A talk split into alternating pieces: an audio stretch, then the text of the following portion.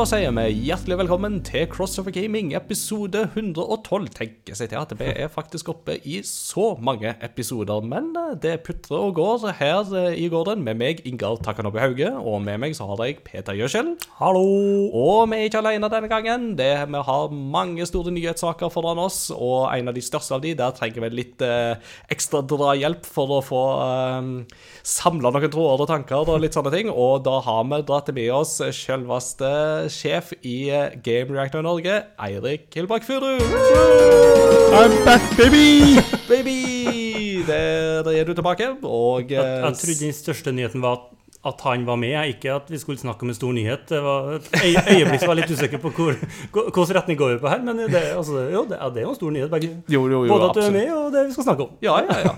Og så er han jo, har han jo blitt forfremma siden sist. Nå er han jo uh, big boss, så Neste så, Got the power! ja da, så det, Nå er det liksom bare Metal Gear Solid gifs over hele fjøla som big boss. Da Nei, men uh, Bare vent oktober. Ja, det er jo en remaster som kommer der som bare skal gå i 30 frames per second, som hadde vært gøy å dissecte. Jeg eh, tok for meg en HD-collection på PS Vita i sin tid, Eirik. Jeg bare nevner det, så just keep them coming my way. Men eh, det putter og går eh, i eh, det nordvestlige land. Ja, vil si det. Vi har vært såpass heldige at det har vært relativt fint vær og god temperatur, så det er bare bra. Ja. Det er strålende. Jeg, lurer på om eh, når han sier at det er relativt fint vær, betyr det at det egentlig har vært likt som her, da, bare at vi klager hele tida, eller eh, om det da faktisk har vært finere vær? Det er jeg oppriktig nysgjerrig på. det, er et veldig sånn definisjonsspørsmål på det, hva er fint vær her, og hva er fint vær borti, borti, borti der, for å bruke Det har ikke blitt helt eh, kysthøst ennå. Nei. Det er skikkelig vind og sånn. Det kommer nok før vi vet ordet av det, vet du. Um, apropos høst, når har og både jeg og Peter slitt litt med litt sånne småforkjølelser eh, siden sist, så hvis det er litt sånn hosting og kremting så jeg ikke får redigert vekk, så beklager jeg det. Men uh, vi er iallfall oppe og går, og klarer til å holde podkasten i gang. Men eh, Peter, sånn bortsett fra forkjølelser og eventuelle ymse, hvordan går det? Det går fint. Det gjør det. Ja. Det, det, det var litt uh, um, pjusk, er ikke det man sier, uh, forrige uke. Vi har en mann som er pjusk her! Ja, så er et under at jeg fortsatt går og lever og alt det der. Så nei, det går, nei, det går bra. Det eh, begynner å komme ting på arbeid og ja. Strålende. Det er veldig lite nytt å snakke om. Ja. Nei, men det er så bra. Det er noe, det er noe nyheter å ta ta for liksom- oss i heller. Ja, nei, det, det går fint. Ja, nei, nei, det, det- går veldig bra. Ja, livet går sin gang, og det går veldig Ja. fint. Men eh, spillverden stopper ikke, så la oss bare gå i gang.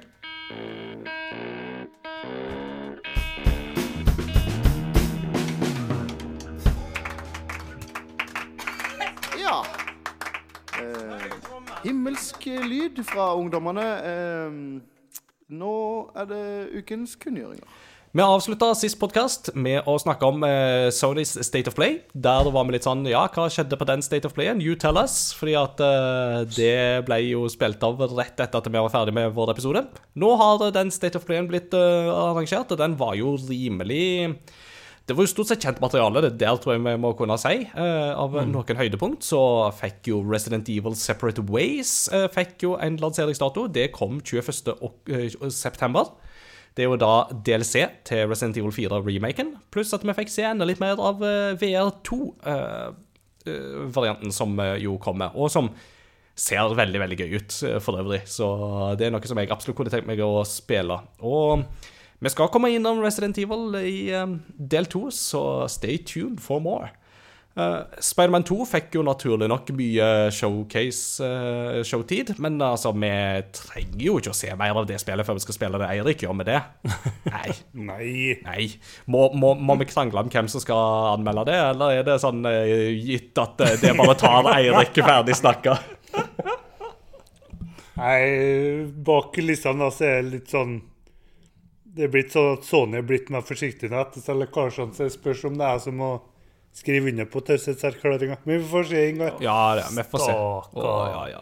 Du vet, i verste, I verste fall så går jeg ut i ferie akkurat den dagen Spiderman 2 kommer ut, så i verste fall så får jeg liksom sitte og spille det i eh, fred og fordragelighet og ro og mak, så det går så fint. Eh, et spill som jeg òg har eh, hatt eh, kost meg med i råmak tidligere, det er Tales of Arise. eh, det nyeste rollespillet i Tales-serien. Jeg var jo veldig fornøyd med det. Det kan leses anmeldelse på Game Reactor for de som er interessert. Eh, det får en utvidelse som heter Beyond the Dawn, eh, som kommer 9.11. Eh, en ganske stor utvidelse. De snakker om en 20 timer eh, mer innhold. Og det er jo ikke så lite, det, så det er jo spennende. Eh, Men den største nyheten, det var nok likevel Final Fantasy 7 Rebirth, som jo fikk en eh, saftig, heidundrende trailer på Den er vel på tre minutter, nesten, eller noe sånt. Uh, der vi jo får se fortsettelsen på Final Fantasy 7 Remake-sagaen. Dette er jo da del to av tre av dette remake-prosjektet til Final Fantasy 7. Og hvis du var redd for at Square Enix kom til å kutte noe innhold fra Final Fantasy 7 uh, i denne delen av spillet, så kan denne traileren trøste deg med at det her er alt og alle med. Altså, vi ser Yuffie, vi ser Red 13, vi ser Vincent Valentine og hele, hele gjengen. Så dette tror jeg blir ganske bra. Og det ser jo sharp ut, må vi jo kunne si. Eh, Jeg vet ikke, Har du, Peter, kikka noe på det, eller eh, har du noen tanker rundt Final Fantasy 7? Jeg har jo veldig lite Altså, det, det forholdet jeg har til Final Fantasy, er da tieren på PlayStation 2 i sin tid. Uh, hvor jeg, når jeg spilte det, så visste jeg ikke at farming var en greie. Så den ene bossen der uh, kom jeg aldri forbi. Uh, ja. Og det er så å si det jeg har spilt av Final Fantasy. Ja. Så nei, ikke så veldig mange tanker på akkurat eh, den, men det, det, det, er, jo, det er jo kjekt, da, at han tar opp gammelt. Det, det er jeg for, og det syns jeg er stas. Mm.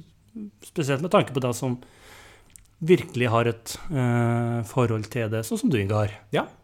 Og det kommer jo da 29. februar. Eh, ja, det er faktisk en dato til neste år. Det er jo viktig å presisere. Og det er et kjempeartig dato å slippe spill på. Ja. Åh, fantastisk! Og som de jo har reklamert med tidligere, på to disker. Oi, oi, oi. Det, Du, oi, det er den installasjonsfila, den blir ikke liten, for å si det sånn. Kanskje Warzone får en utfordrer? Ja da. Så, og så skal vi krangle om hvem som skal anmelde det spillet når den tid kommer, Eirik. Det Er det sånn denne episoden her kommer til å bli? At dere snakker om framtidige spill, og dere driver og krangler om hvem som skal Jeg få tror at akkurat når det kommer til japanske rollespill, der har jeg nok en eh, fordel som uh... det? Det, det, det er sant. Ja. Men den dagen jeg melder Skal nok få den, Ja. selv om du hater remake. Ja, ja, ja. Jeg hata noe annet syv av ti. Det var, hat, helt klart. Det, ja.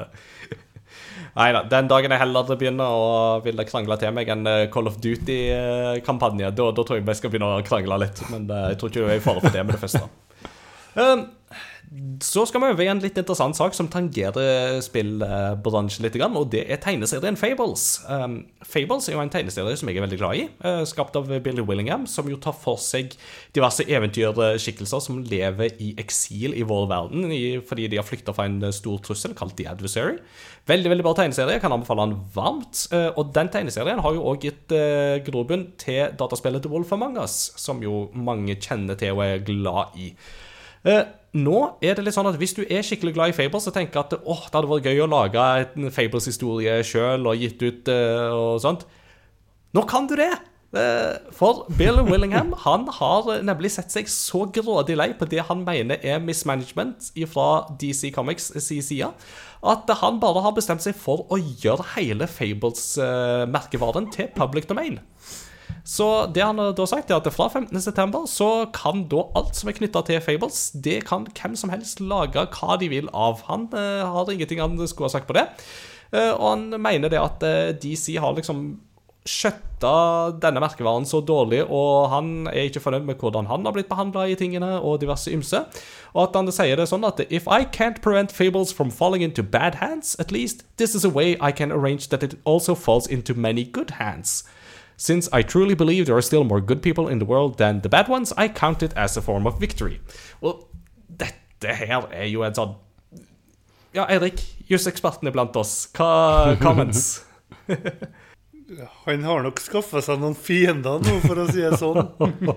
Men samtidig så Det er jo ikke tvil om at det her er bra. For liksom om det nå er noen som har ideer til et dårlig spill, så kommer de til å bli stoppa uansett. I alle fall litt større da, fra store utgivere. Mm. Så nå heller bare gi enda flere sjansen til å lage et spill basert på et univers du nå sier faktisk er ganske interessant og har et potensial. Det er jo bare helt utrolig. og bør jo egentlig kalle det gavmildt, med tanke på at den lett sikkert kunne klart å solge det juridisk sett. Det er kjempegavmildt, og altså, det er jo sånn Bill Willingham er en artig skrue, altså. Og det er liksom sånn øh, Han er ikke liksom sånn Alan Moore-artig skrue. Altså en sånn big, stor skjeggebuss som hater alt og alle og liksom har null tro på menneskeheten. Men han har liksom Han har vært liksom litt ute i litt sånn kontroversielle terreng og sånt før. Han har jo, blant annet i tegneserien, så har han jo sånn veldig sånne pro-Israel-forhold som ikke alltid liksom har falt i god jord hos øh, alle lesere og alle fans og sånne ting. Så han har liksom ikke vært redd for å touche innom og liksom gjøre folk litt sinte av og til. Så dette her er jo uansett kjempeinteressant av han å gjøre. Og han er liksom litt sånn Nei, jeg er 68 år, eller hva han er. Han, trenger ikke å for det første så har han nok penger, for det andre så gidder han ikke å bruke masse tid på rettssaker og sånne ting. Det er han, han har bedre ting å bruke tida på. så får vi jo se, da. Det kan jo fort hende det blir noen rettssaker av dette her fra DCCC uansett. Men eh, enn så lenge, iallfall, så har du en god Fables-idé i magen, slå deg løs. Eh, Kanskje du kan få gjennomslag. Vi får se. Så er det jo en ball som jo har putra og gått i rettssystemet. Uh, nei, jeg snakker ikke om Fables, jeg snakker om Activision Blizzard. Uh, den store bøygen der for um, Microsoft å få kjøpt de, det har jo vært det britiske konkurransetilsynet, eller CMA. De satte jo i utgangspunktet foten ned tidligere i år. Eh, Nå har Microsoft implementert flere endringer. eh, Og det virker da som at eh, det britiske konkurransetilsynet vil gå god for disse endringene. Blant annet da med at disse cloud streaming-tjenestene vil da bli lisensiert ut til Ubisoft de neste 15 årene.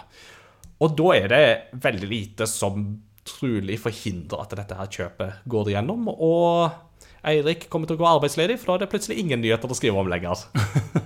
Oh yeah! Men uh, det blir nok andre ting å kose seg med likevel. Eh, apropos Ubisoft, de har uh, jo flere spill på gang. Uh, et av de, deres understudio det er Massive Games, som jo jobber med både Avatar, Frontiers of Pandora og Star Wars Outlaws.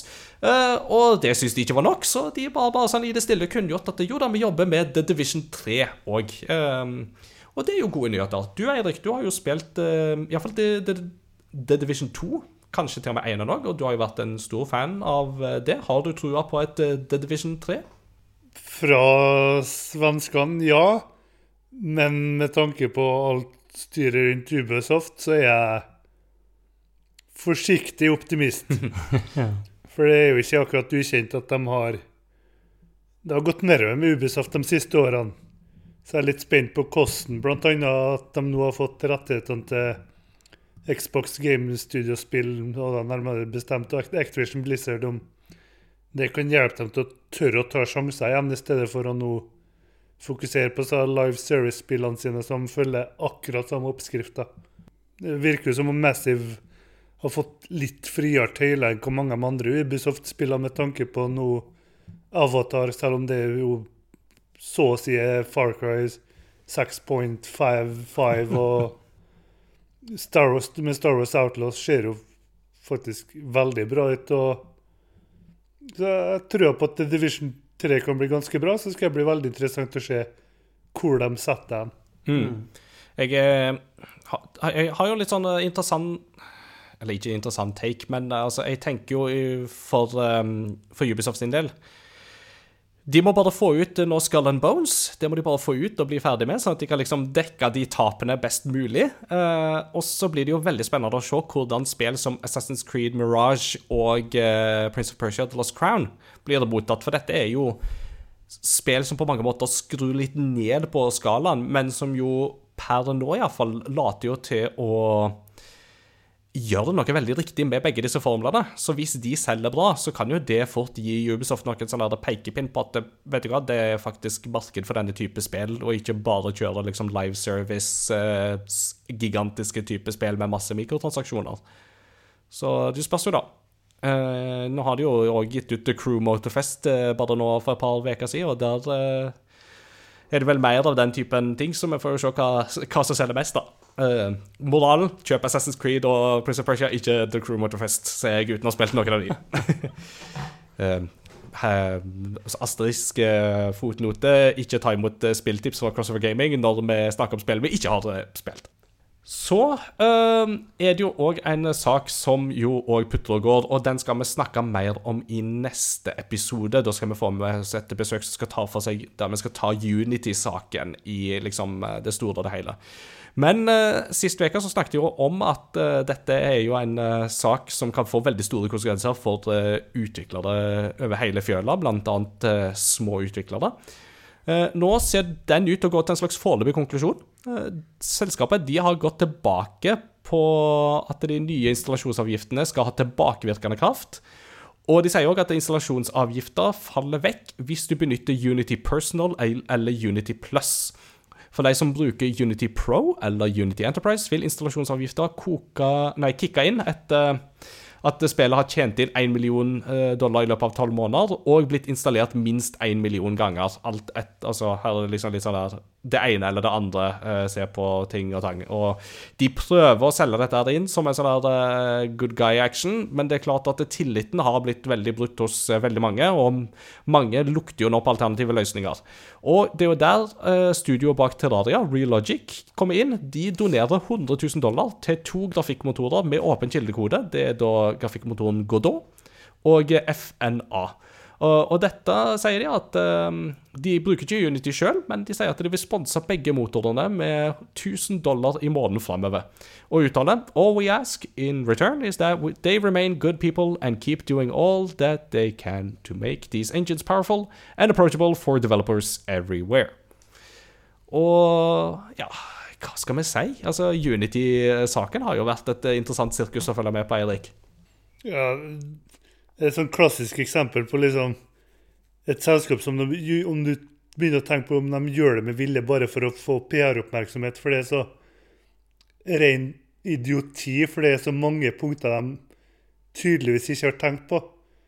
Liksom Når de først begynner å bli svagt, svar sånn vagt på hva som skjer om det er Game Palace, om det er noen av disse drittsekkene på internett i stedet for review-bombing, bare laste ned om og om, om igjen. Install-bombing. ja.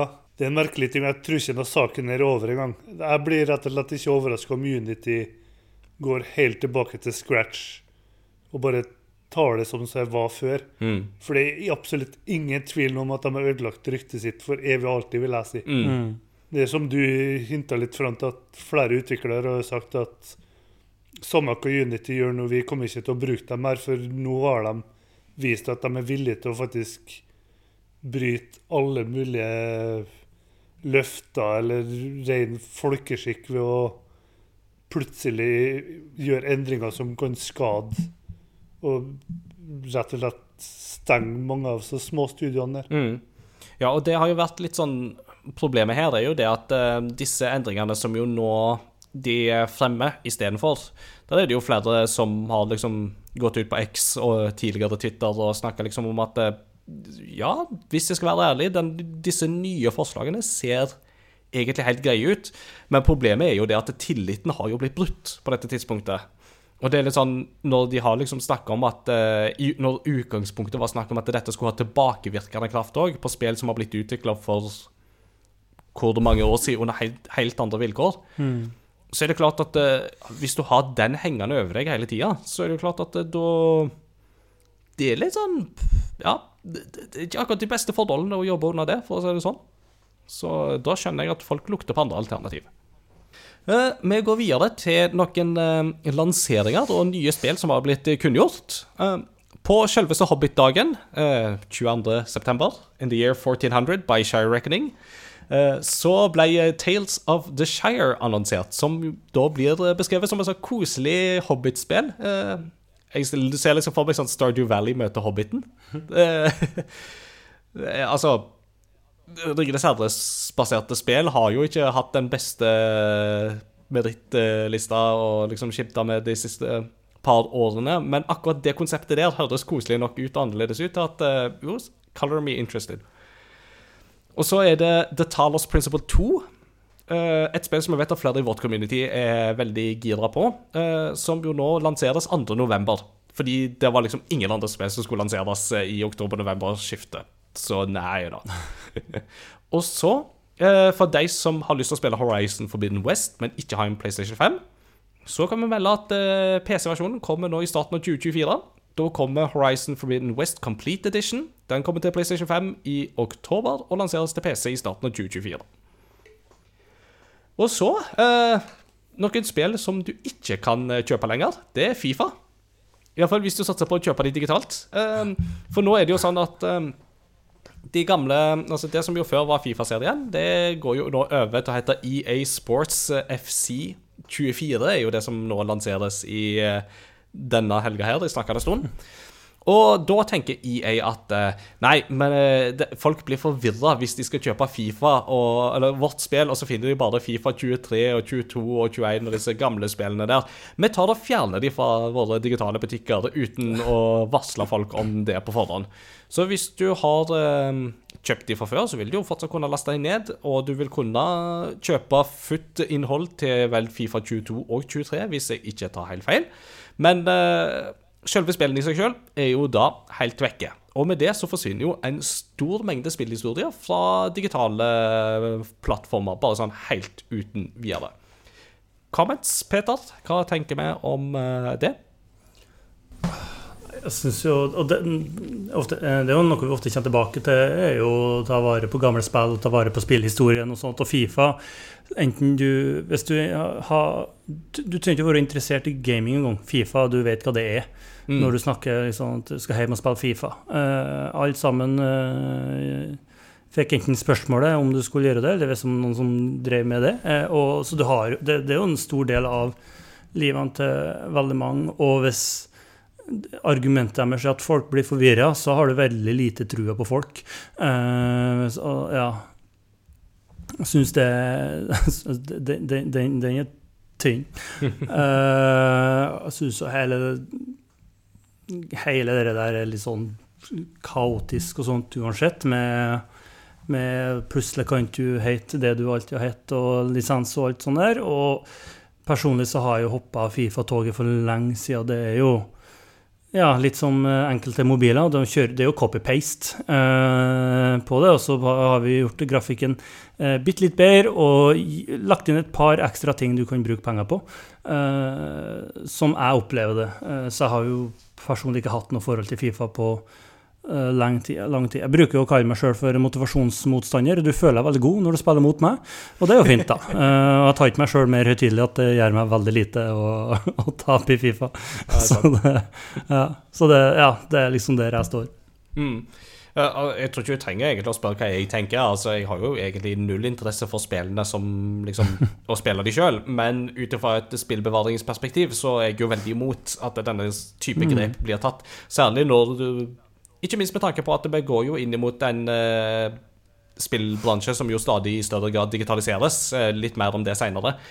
Og når da plutselig sånne se hele serier blir tatt ned bare sånn helt uten videre, så er jo det ganske kritisk for den spillbevaringa som Altså skal du ta, fjerne noe fra disse plattformene, så bør du gi varsel om det i god tid i forkant. Mm. tenker jeg. Det å bare liksom gå plutselig inn og ta vekk på den måten der, det tenker jeg det hører ikke hjemme noen plass, uansett eh, hva du måtte mene om selve serien. Um, hva tenker fotballdommeren iblant oss her? jeg er helt enig med dere.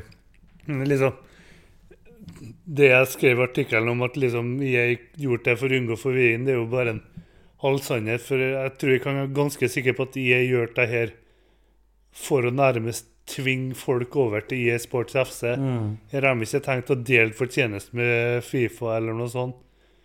Her er å få alle sammen over til IE Sports FC og liksom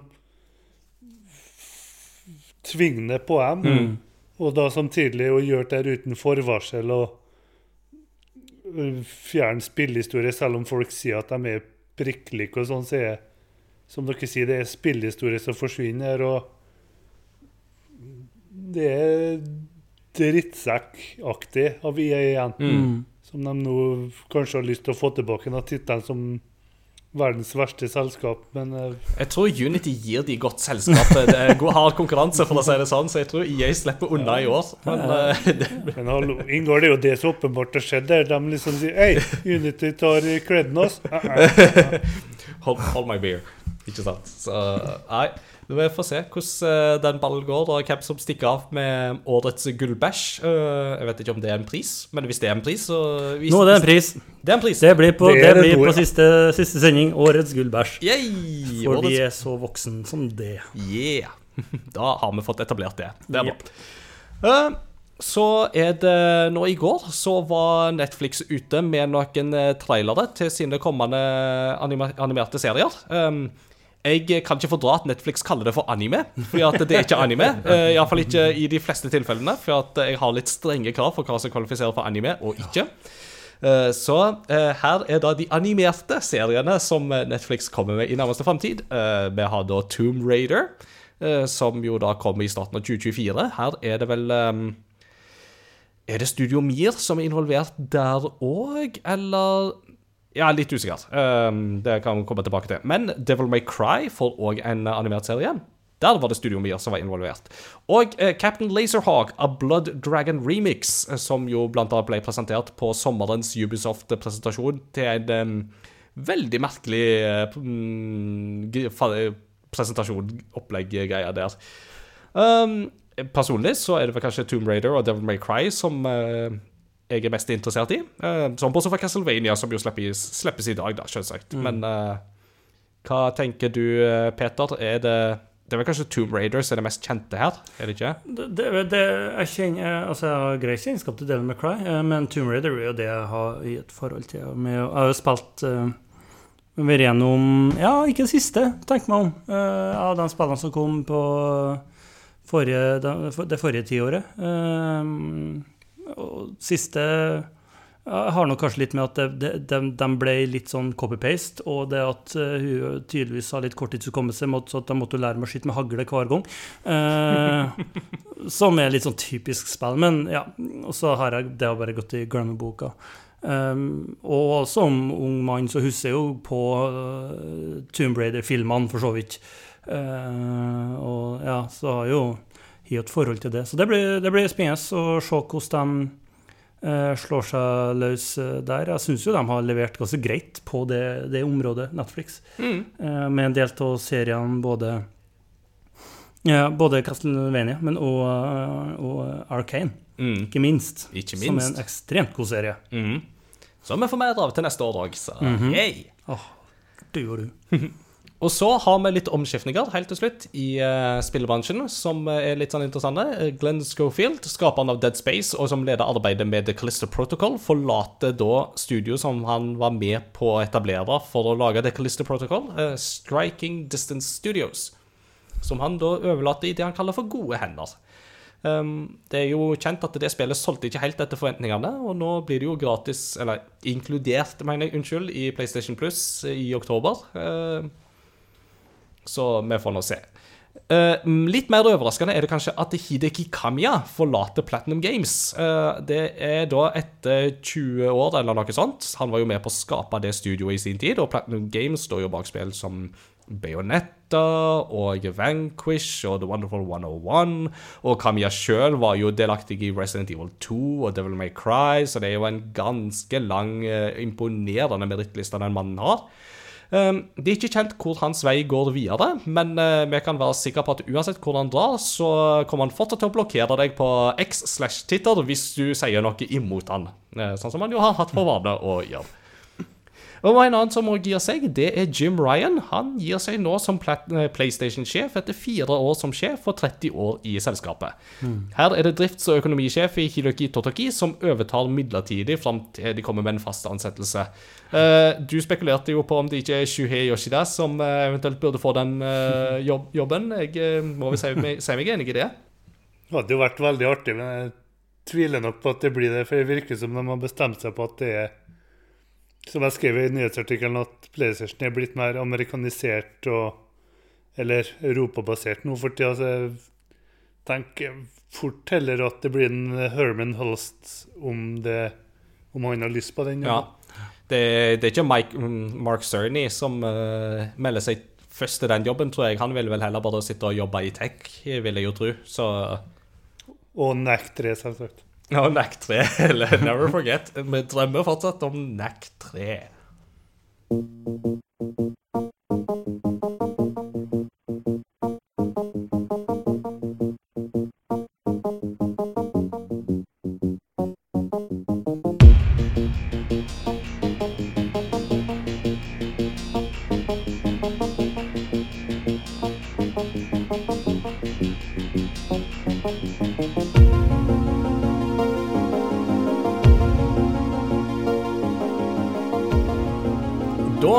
har vi ennå ikke snakka om den største nyhetssaken som har prega de siste par ukene, og den skal vi komme tilbake nå, nemlig det vi kaller for den store Microsoft-lekkasjen.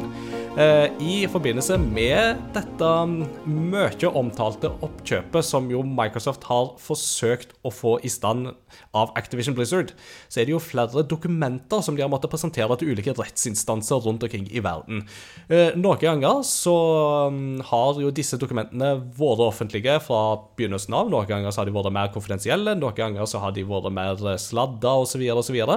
Og de lekkasjene som vi har fått nå, eh, må jo sies å være noen av de mest juicy som har kommet ut. Så eh, her er det jo flere moment som har blitt lekka med tanke på eh, både hva Microsoft har hatt ambisjoner om å få til de siste par årene, men òg med tanke på hva deres framtidsplaner eh, tilsynelatende skal være. Eh, og bare for å ta noen av stikkordene nå, før vi går i dybden eh, Vi har eh, fått lese mer om Microsoft sin lek med mulige oppkjøp, der de har lekt med tanken på å kjøpe både Sega i Japan og av alle ting Nintendo. Vi har fått mer data om oppdaterte utgaver av Xbox Series X og S, now adorably all digital. Vi har fått snakk om framtidige konsollplaner for 2028 og utover. Og Phil Spencer har hatt noen uttalelser om grunnlaget for GamePass og viktigheten av å ekspandere inn i indie-segmentet eh, ut ifra den statusen som Triple A-utvikling er i per i dag. Og da tenker jeg at nå skal vi bare begynne liksom litt i en ende her. Så eh, bare liksom La oss ta på en måte den overordna casen her, Eirik. Hvor stor er egentlig denne saken her? Sånn ja, både ut fra et spillnyhetsperspektiv, men òg fra liksom et sånn juridisk perspektiv. Juridisk så er jo nesten det du kan kalle katastrofalt. For det her har jo Ja, du har jo sett alle nyhetene som har spredd seg både både fornuftig nok og litt tatt i overkant, liksom. Det her kommer jo mange av PlayStation sine advokater til å kose seg med å bare strategisk sett begynne å planlegge. Mm. Det har jo begynt, nå har jo det, det noen av dokumentene annet ødelagt Phil Spencer, Xbox-sjefen, sine liksom vage kommentarer om Nei, vi vet jo om The Elder Scrolls 6 kommer til PlayStation eller ikke. Nå kan en jo slutte å leke at de ikke vet det lenger. Mm. Men Liksom, og nyhetsmessig så er det jo veldig interessant òg, men det er veldig viktig, som jeg har prøvd å fremme til flere av kollegaene mine, og som heldigvis Phil Spencer også sa. Flere av dokumentene er flere år gamle. Mm. Og det Bethesda-dokumentene var jo til og med før de ble kjøpt opp av Microsoft, så liksom masse kan ha endra seg siden den gang. Mm. Det er utrolig, utrolig artig å få innsyn i dette her, da. Ja. ja, for det òg er jo et aspekt i dette her. Det er jo, som du sier, ikke sant, altså at det, er jo flere titler som blir nevnt i uh, disse dokumentene her. Deriblant har det jo blitt nevnt remakes av uh, Eller remasters av uh, ja, remasters er det vel, av Elder Scrolls 4 og Fallout 3 har blitt nevnt. Nye titler som Ghostwire Tokyo 2 og Dishonored 3 har jo òg vært snakk om i disse dokumentene her. Eh, og det er klart at eh, Dette er jo litt sånne ting som jo, som du sier, må tas med noen uh, trillebårlass med salt, for det er jo mange endringer som kan skje i denne prosessen her. Og allikevel er jo dette noe som gir noen pekepinn. Um, jeg tenker jo på at um, vi har jo tidligere hatt denne Nvidia-lekkasjen med Jensens Prophecy, som det jo gjerne kalles. Der du har hatt uh, store dokumenter som har blitt lekka med mulige spill som har vært under utvikling, og der jo det ene etter den andre at de titlene har vist seg å faktisk stemme. Eh, så det er klart at det, Og spillutvikling i dag tar jo tid. Det tar jo ofte flere år en del av disse, prosjektene her. Og da kan det jo fort tenkes at den planleggingsfasen har begynt tidlig, og at det er noen av de tingene vi ser her, som eh, faktisk eh, ligger, ligger klare til, til lansering. Men Peter, hvis vi skulle ha liksom tatt en eller annen Enten liksom Dishonored eller Fallout eller Beth, altså Bethesda har jo så mangt og mye, ikke sant? Altså, de har jo Doom òg under beltet, og Wolfenstein og sånne ting. Altså, hva slags type spill ville du ha hatt fra den leiren i, i nær framtid? Uh, Wolfenstein er ikke så lenge siden vi fikk noe fra. Pers altså, jeg digger den spillene, syns er kjempekult. Uh, men det er jo andre spill som uh, er lenger siden. Dishonored syns jeg jo at det, det er et vanvittig sp et spennende univers. Uh, og, annerledes i forhold til veldig mye av det du er vant til når du spiller den uh, Ja, uh, av de spillene vi har, da, og da spesielt med, med tanke på artstyle og mulighetene i spillet. Altså bare det å Når du kan spille gjennom et sånt type spill uten å drepe noen, f.eks., mm. Gjør det til utrolig kult. Og det blir en, sånn, en slags Hitman-variant, uh, hvor du kan fyke rundt og har med, med, så mange muligheter. Så det syns jeg har vært veldig kult. å fått, fått et nytt spill på.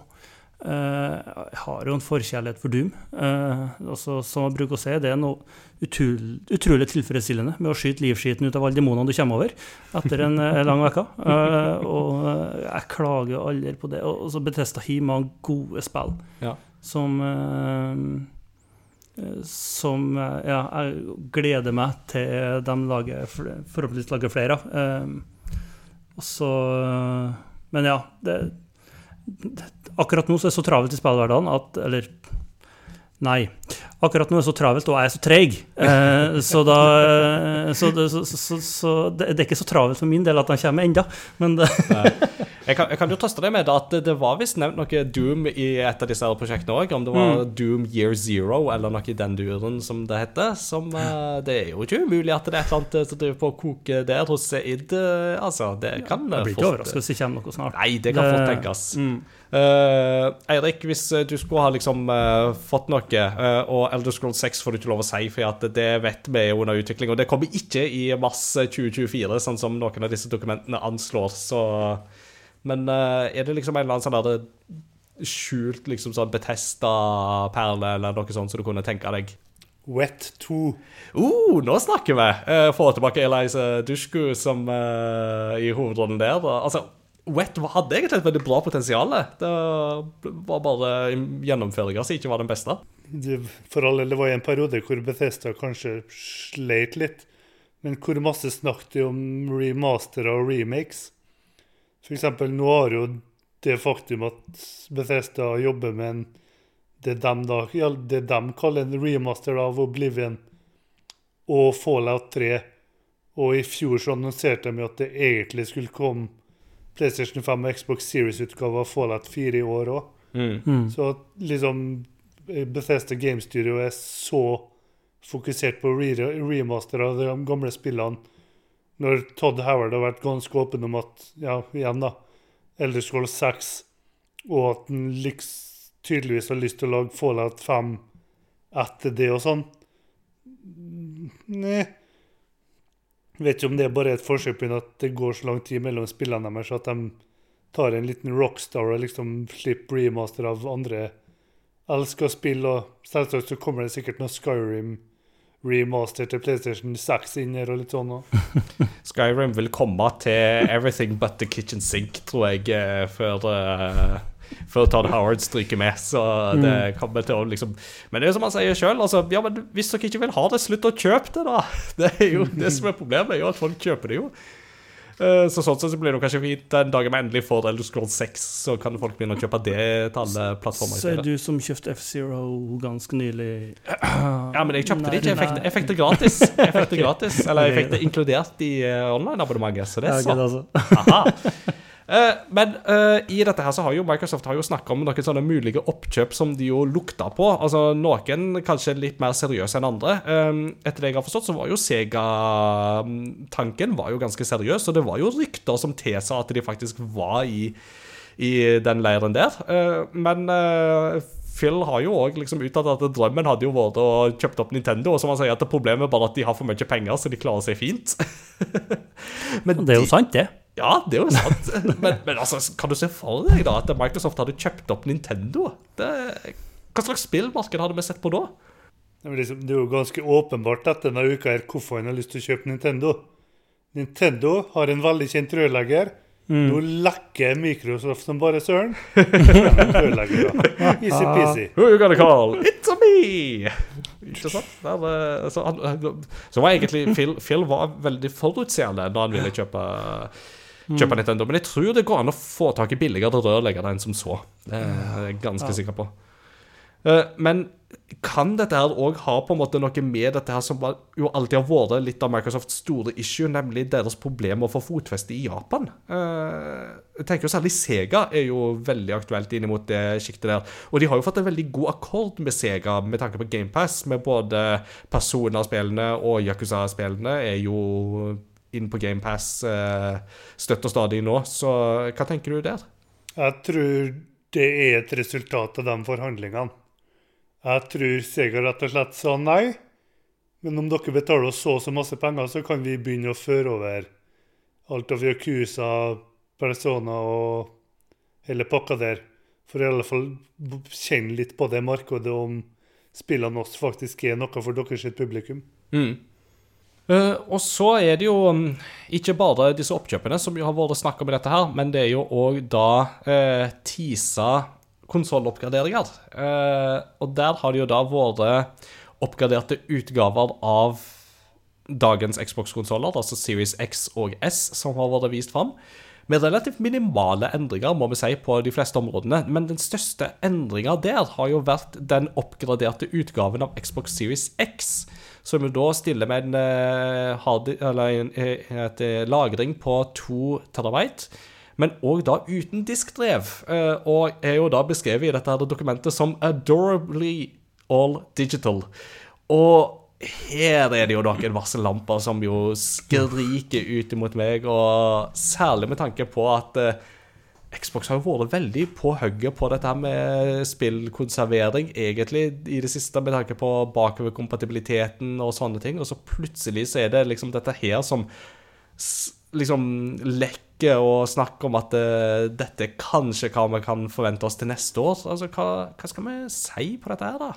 Det er jo kjipt, igjen, eh, med å ta vare på det å ta vare på gamle spill. Det å ha muligheten til å kan uh, bruke spillene som du har eh, i det nye, eh, er jo viktig. Og det er kjekt, for du har et, for, altså, du har, du har et forhold til gamle spillene som du, som du har spilt tidligere. Det altså, det, et forhold som stikker litt dypere enn en, eh, en tusning, som ofte koster for å få med i CD-rommen. Eh, Så det, altså er det da Siden den er så adorable, eh, er det utseendet som er viktig, har liksom gått i hodet på dem, eller er det da at de rett og slett ikke At de taper penger på å ha det bare digitalt, eller er det da en tanke om, om å ja, sette opp eh, pris på GamePass i stedet, eller et eller annet som de antageligvis må, for det er jo ikke akkurat noe plussprosjekt, eh, akkurat sånn som det står her nå, om jeg ikke husker helt feil. Og det, og det er òg interessant i dette her, det er jo det at eh, ingen av disse konsolloppgraderingene går noe ned i pris. Altså, De vil legge seg prismessig på det samme som de ligger per i dag. Eh, og da er det jo litt sånn spørsmålet hvorfor man egentlig trenger det. For at innmatsmessig så er det altså det snakk om at ja, de går for en 6 nanometer eh, prosessor da, og litt sånne ting, så du går liksom ned fra 7 til 6 nanometer. Men, så du får liksom litt strømsparing og kanskje litt mer effektivitet og sånne ting, men i praksis du vil ikke få liksom maskiner som kjører spillene noe nevneverdig kraftigere, og de vil fortsatt koste det samme. Eh, du får mer lagringskapasitet, men du må si farvel til et diskdrev.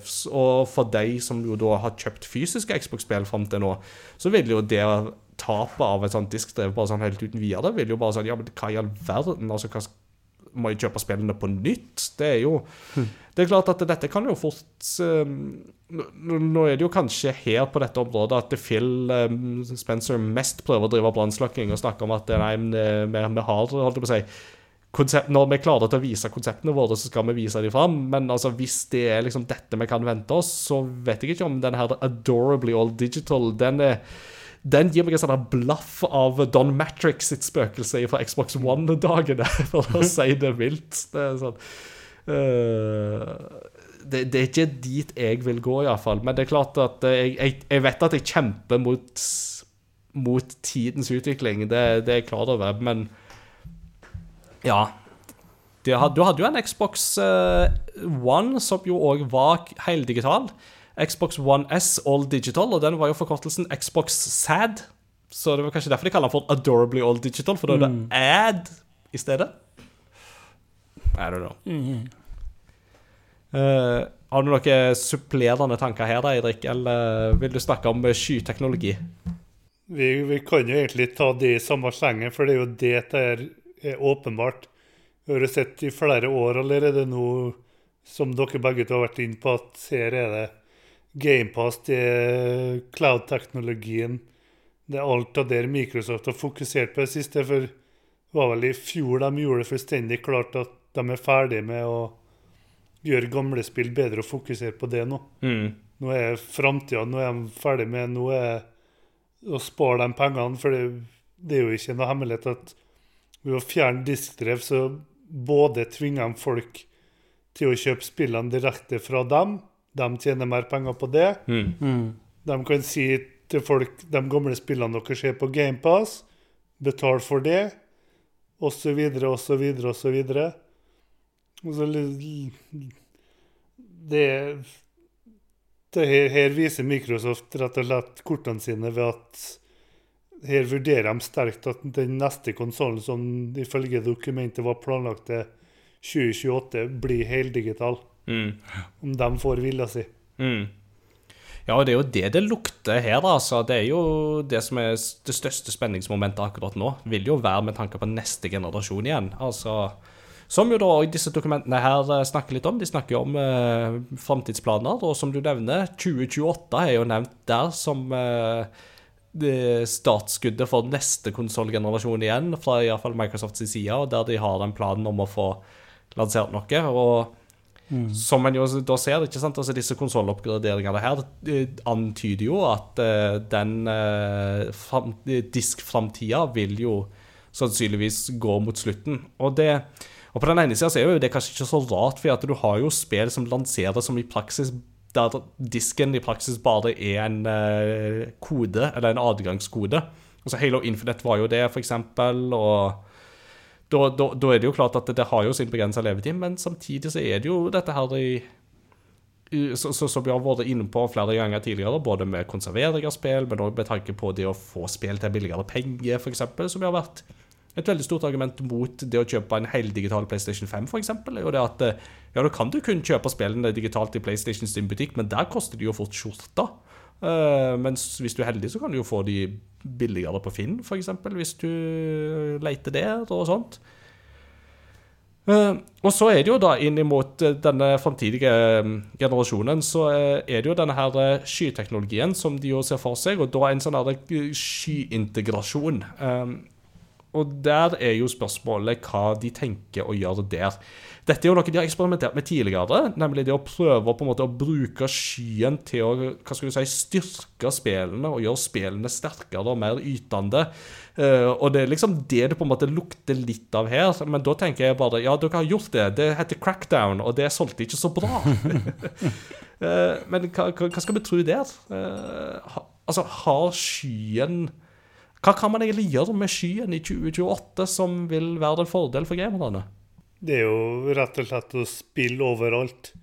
Vi fikk Alt det her kom jo godt pakka sammen med at Apple annonserte de nye iPhonene som skryter av å ha Resident Evil 4 remake og alt det der, liksom. Det, vi, vi er nok rett og slett gamle og kjedelige karer. Det virker som om resten av verden er på vei dit at vi har lyst til å spille. Ja, Bare å se på Steamdeck òg, for den saks skyld at folk har lyst til å spille ting på farta. Du vet jo sjøl, Ingar, du, du tar jo ofte spill på Switch. Mm. Selv om kvaliteten på Switch-spillene, iallfall på porten og alt fra tredjeparter, som regel er en god del dårligere. Det er jo bare å se på Mortal Kombat 1 nå for tida. Hvor masse hands det for, liksom. For, folk er villige til å overse det. Det er ikke alle som er såpass opptatt av det grafiske og sånn, for all del. Med det de viste fram med Crackdown og sånn, da liksom Det er jo et stort potensial i det. Så akkurat den delen av dokumentene tror jeg tenker litt lenger fram i tid enn hva vi har lyst til å tenke på akkurat nå. Mm. Men det er jo det der, det der gylne ordet, ikke sant? potensial. ikke sant? Og det har vi hørt masse om. Det er mange ting som har potensial. Blokkjedeteknologi har potensial. NFT har potensial. Bitcoin har potensial.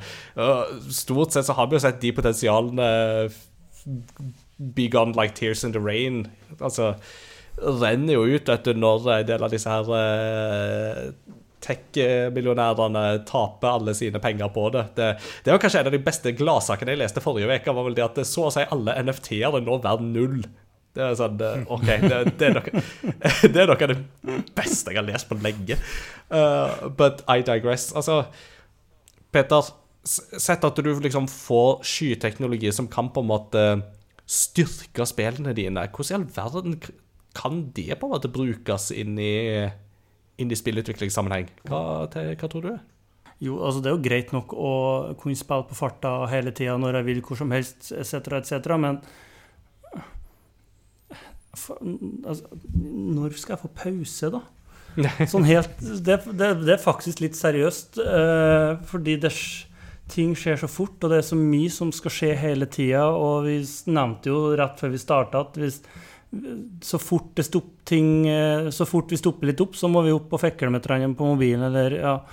Og ja, hvis jeg sitter og bare slapper av og scroller på mobilen i de to minuttene jeg har, så er det to minutter. Men hvis jeg skal begynne å game, hvor som helst, når som helst, overalt, da forsvinner tida mi. For jeg, jeg blir jo så sugd inn i det. Eh, og det, altså det, hvis de får det til å funke, og det blir bra, og sånt, så, eh, blir det, så er det sikkert eh, fenomenalt eh, ofte og stort sett og på sine måter. Eh, men personlig så ikke jeg, jeg må nok være forsiktig med hvordan jeg går fram i en sånn verden.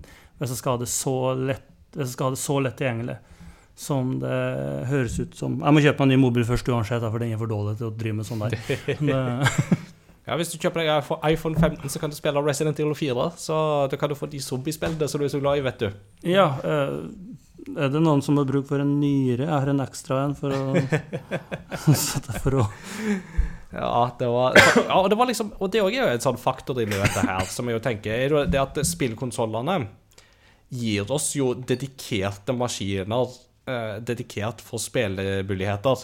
Eh, med en gang du skal inn i på en måte skyløsninger, eh, så er det jo noe med at du outsourcer jo dette her til eksterne enheter. Og det er noe med det der med at uansett nest, netthastighet, uansett eh, nettilkobling osv., osv. Det vil alltid være den der graden av forsinkelser eh, som jo Jeg ser fortsatt ikke for meg hvordan de skal klare å kompensere for det, og særlig da inn imot på en måte sånne store um, online-titler som krever på en måte hurtig responstider, ikke bare fra spillerens side, men også fra spillets side. CS på skyløsning. Hvor, hvor mange millisekund, hvor mange sekunder delay snakker vi? Ja, ikke sant? Så, så, så jeg, fortsatt, jeg tenker fortsatt at det, dette her høres litt sånn optimistisk ut, men som eh, du sier, Eirik, kanskje jeg bare er blitt gammel og utdatert og Am I out of style? No, it's the kids. The kids are wrong. Ikke sant? Det, jeg, er blitt, eh, jeg er blitt Skinner, rett og slett. det, Vi- Microsoft viser jo at de er obs på når de har lyst til å La oss da si, si veldig masse inspirasjon fra Google Stadium at den nye kontrolleren nå da visstnok skal jo heller koble seg opp til internett til serverne, slik at den forsinkelsen igjen blir så minimal som mulig. Mm. Og igjen, for å sammenligne oss, da, at jeg alltid har lyst på å spille spillene mine på en PlayStation 5 og 60 FPS, og for alle PC-spillerne med sine 144, eller hva søren er alt det der, liksom. Mens andre takler det å faktisk spille i 30. Det viser at jeg tror rett og slett at de som er 15-20 år yngre enn oss, de, de er, er fort vokst opp med dette, så jeg tror ikke Mm. de rett og slett tenker over den forsinkelsen der. Nei. Nei, det er noe med det, ikke sant? Og det er noe med at du tenker ikke over det før du blir eksponert for noe som er Altså, du tenker ikke på at spillet går til 30 frames per second til, før du blir eksponert for hvordan det spillet der yter i 60. Mm. Og så når du da går tilbake til 30, da merker du det eh, veldig fort. Iallfall når du har gjort det et par ganger. Så det er jo, det er jo den vekselvirkninga der. Men du nevner jo um, ny håndkontroller er jo òg noe som har lekka i dette her. Og det er vel kanskje den saken som genererer minst uh, agg og bekymring. For her er det jo litt interessante ting, blant annet eh, dette her med at de tar noen elementer fra både Switch Pro Controller og for så vidt eh, PlayStation 5 sin Dual Sense, altså med både sånne adaptive triggere og haptisk eh, tilbakemelding. Eh, og eh, faktisk oppladbare batteri er vel også noe som vi ser på i dette her. Det i seg selv er jo en revolusjon for en Xbox-kontroller. Det er jo helt sykt. Oi, oi, oi. Wow! Stopp pressen! Det spørs jo da om eventuelt et nytt EU-direktiv vil sette en stopper for det, siden EU-direktivet er jo vil ha, at alle batterier skal kunne skiftes ut. Så det kan jo hende at Microsoft må gå tilbake til tegnebrettet med dette her. Hvem vet? Eh, I alt dette her så er det jo en ting som jeg òg lurer litt på, og det er jo hva, hva Altså, Phil sier jo at det er veldig mange av disse tingene her er utdaterte. Dette er, altså Ting har vært holdt på å si på et spekulativt plan, det har vært på et planleggingsplan. Det er jo sånn det gjerne er i selskaper, ikke sant, med at eh, det er ikke alt som legges fram som nødvendigvis blir noe av, eh, og så videre og så videre. Så da er jo spørsmålet hva planer tror vi faktisk at de vil gå videre med? Hva endringer vil de komme med? Og ikke minst, hvordan vil Sony og Nintendo svare på alle disse eh, lekkasjene her? Eh, Da er jeg litt spent på å begynne i din ende, Eirik, hva, hva du tenker. Eh, Vi kan starte med spillene. Jeg tror mange av spillplanene der er totalforandra nå. Jeg tror vi kan være ekstremt trygge på at vi ikke får en Ghostwire Tokyo 2. Men så tror jeg vi kan håpe en Dishonored 3 og litt Wolfenstein. Og litt sånne spørsmål blir heller om de faktisk kommer fra Bethesda. Ja. For det er jo ikke akkurat noe tvil om at Microsoft har en god del eksperter på førstepersons skytespill innad hos seg allerede. Og nå da særlig når de får Activision Blizzard eh, under seg. Mm. Så sånn sett så skal det bli interessant å se hva de eventuelt kan bringe til de velkjente seriene. Eh, jeg vet som sagt at den Oblivion-remasteren faktisk er ekte. Den er kommet såpass langt at den kommer vi til å få se. Litt mer usikker på Fallout 3 og litt sånn pga. at Starfield ble en god del utsatt fra det, de originale planene. Mm. Uh, den såkalte nye konsollen kan vi jo være ganske sikre på kommer neste år. Men liksom tror, tror mange av planene både har endret seg. Jeg tror mange av planene mest sannsynlig kommer til å bli en realitet. Når det kommer til hva Sony og eh, Nintendo kommer til å gjøre, så tror jeg det er ekstremt lite.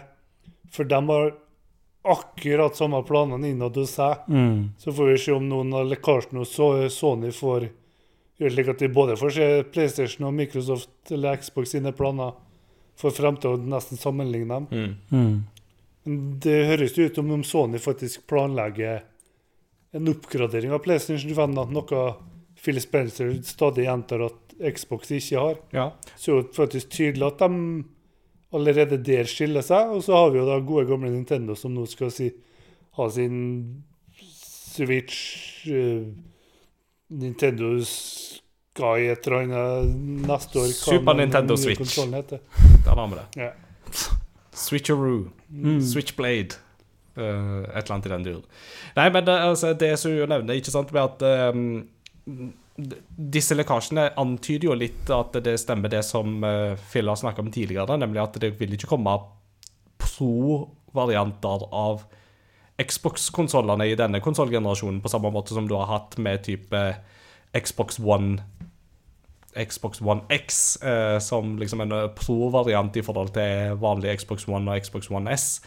Eh, og at disse variantene som vil komme her, vil nok være noen andre ting knytta til det, men ikke sånne pro-varianter i samme grad.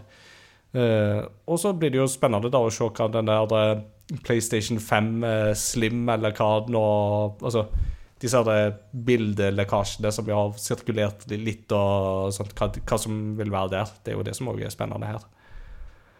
Um, mitt spørsmål òg inn mot uh, Oblivion, Oblivion uh, Remaster er jo da spørsmålet Vil de hyre inn nye stemmeskuespillere, eller vil de bruke de samme ti som de hadde i det originale spillet, inkludert han som i den ene replikken bare sånn Wait, wait, let me do that again. Uh, de må jo egentlig beholde det, syns jeg. Har du først tatt med et feilopptak i et uh, spill, så må du liksom beholde det. Litt sånn som han i Star Wars som dunker hodet sitt i uh, Stormtroopers dunker hodet sitt i Death Star-døra idet de går inn. Uh, du må eie det, rett og slett. Det er sånn det er.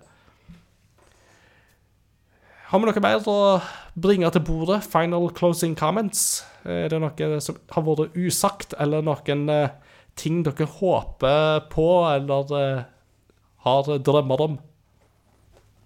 Jeg er spent om eh, reaksjonen til folk når det kommer til all digital. Eh, får dem til å tenke at hm, kanskje er Kanskje markedet fortsatt er såpass stort for en digital eh, Nei, en med CD-portrom, basert på dem jeg har pratet med, i hvert fall, så er jeg ikke, ikke kjempehappy liksom, over at den forsvinner.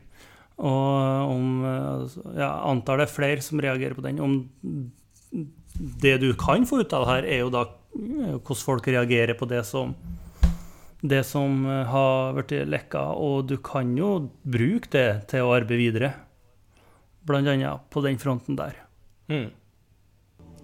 Jeg håper jo All Digital ikke skjer ennå. Eh, jeg er jo redd for at jeg tar feil. Men det blir veldig spennende å se hva de endelige planene er når de faktisk kommer med de.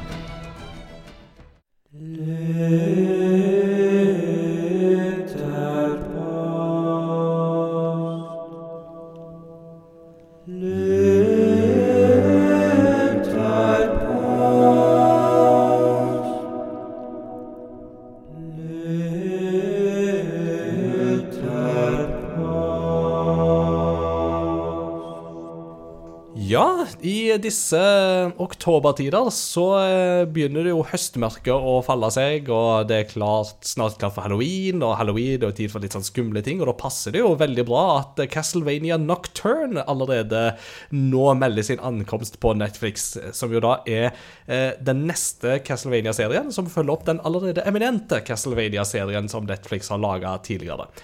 Så i den forbindelse så tenkte vi å spørre i ukas eh, lytterpost eh, hva adopsjoner fra spill til film eller TV liker dere best? Um, og da er det jo litt forskjellige meninger ute på våre sosiale mediekanaler. Og hvis du vil svare på våre lytterposter, gå til crossovergaming.no og finn deg et sosialt medium øverst til høyre på nettsida der, det vel. Facebook og Discord det er de beste kanalene for å svare på disse lytterpostene.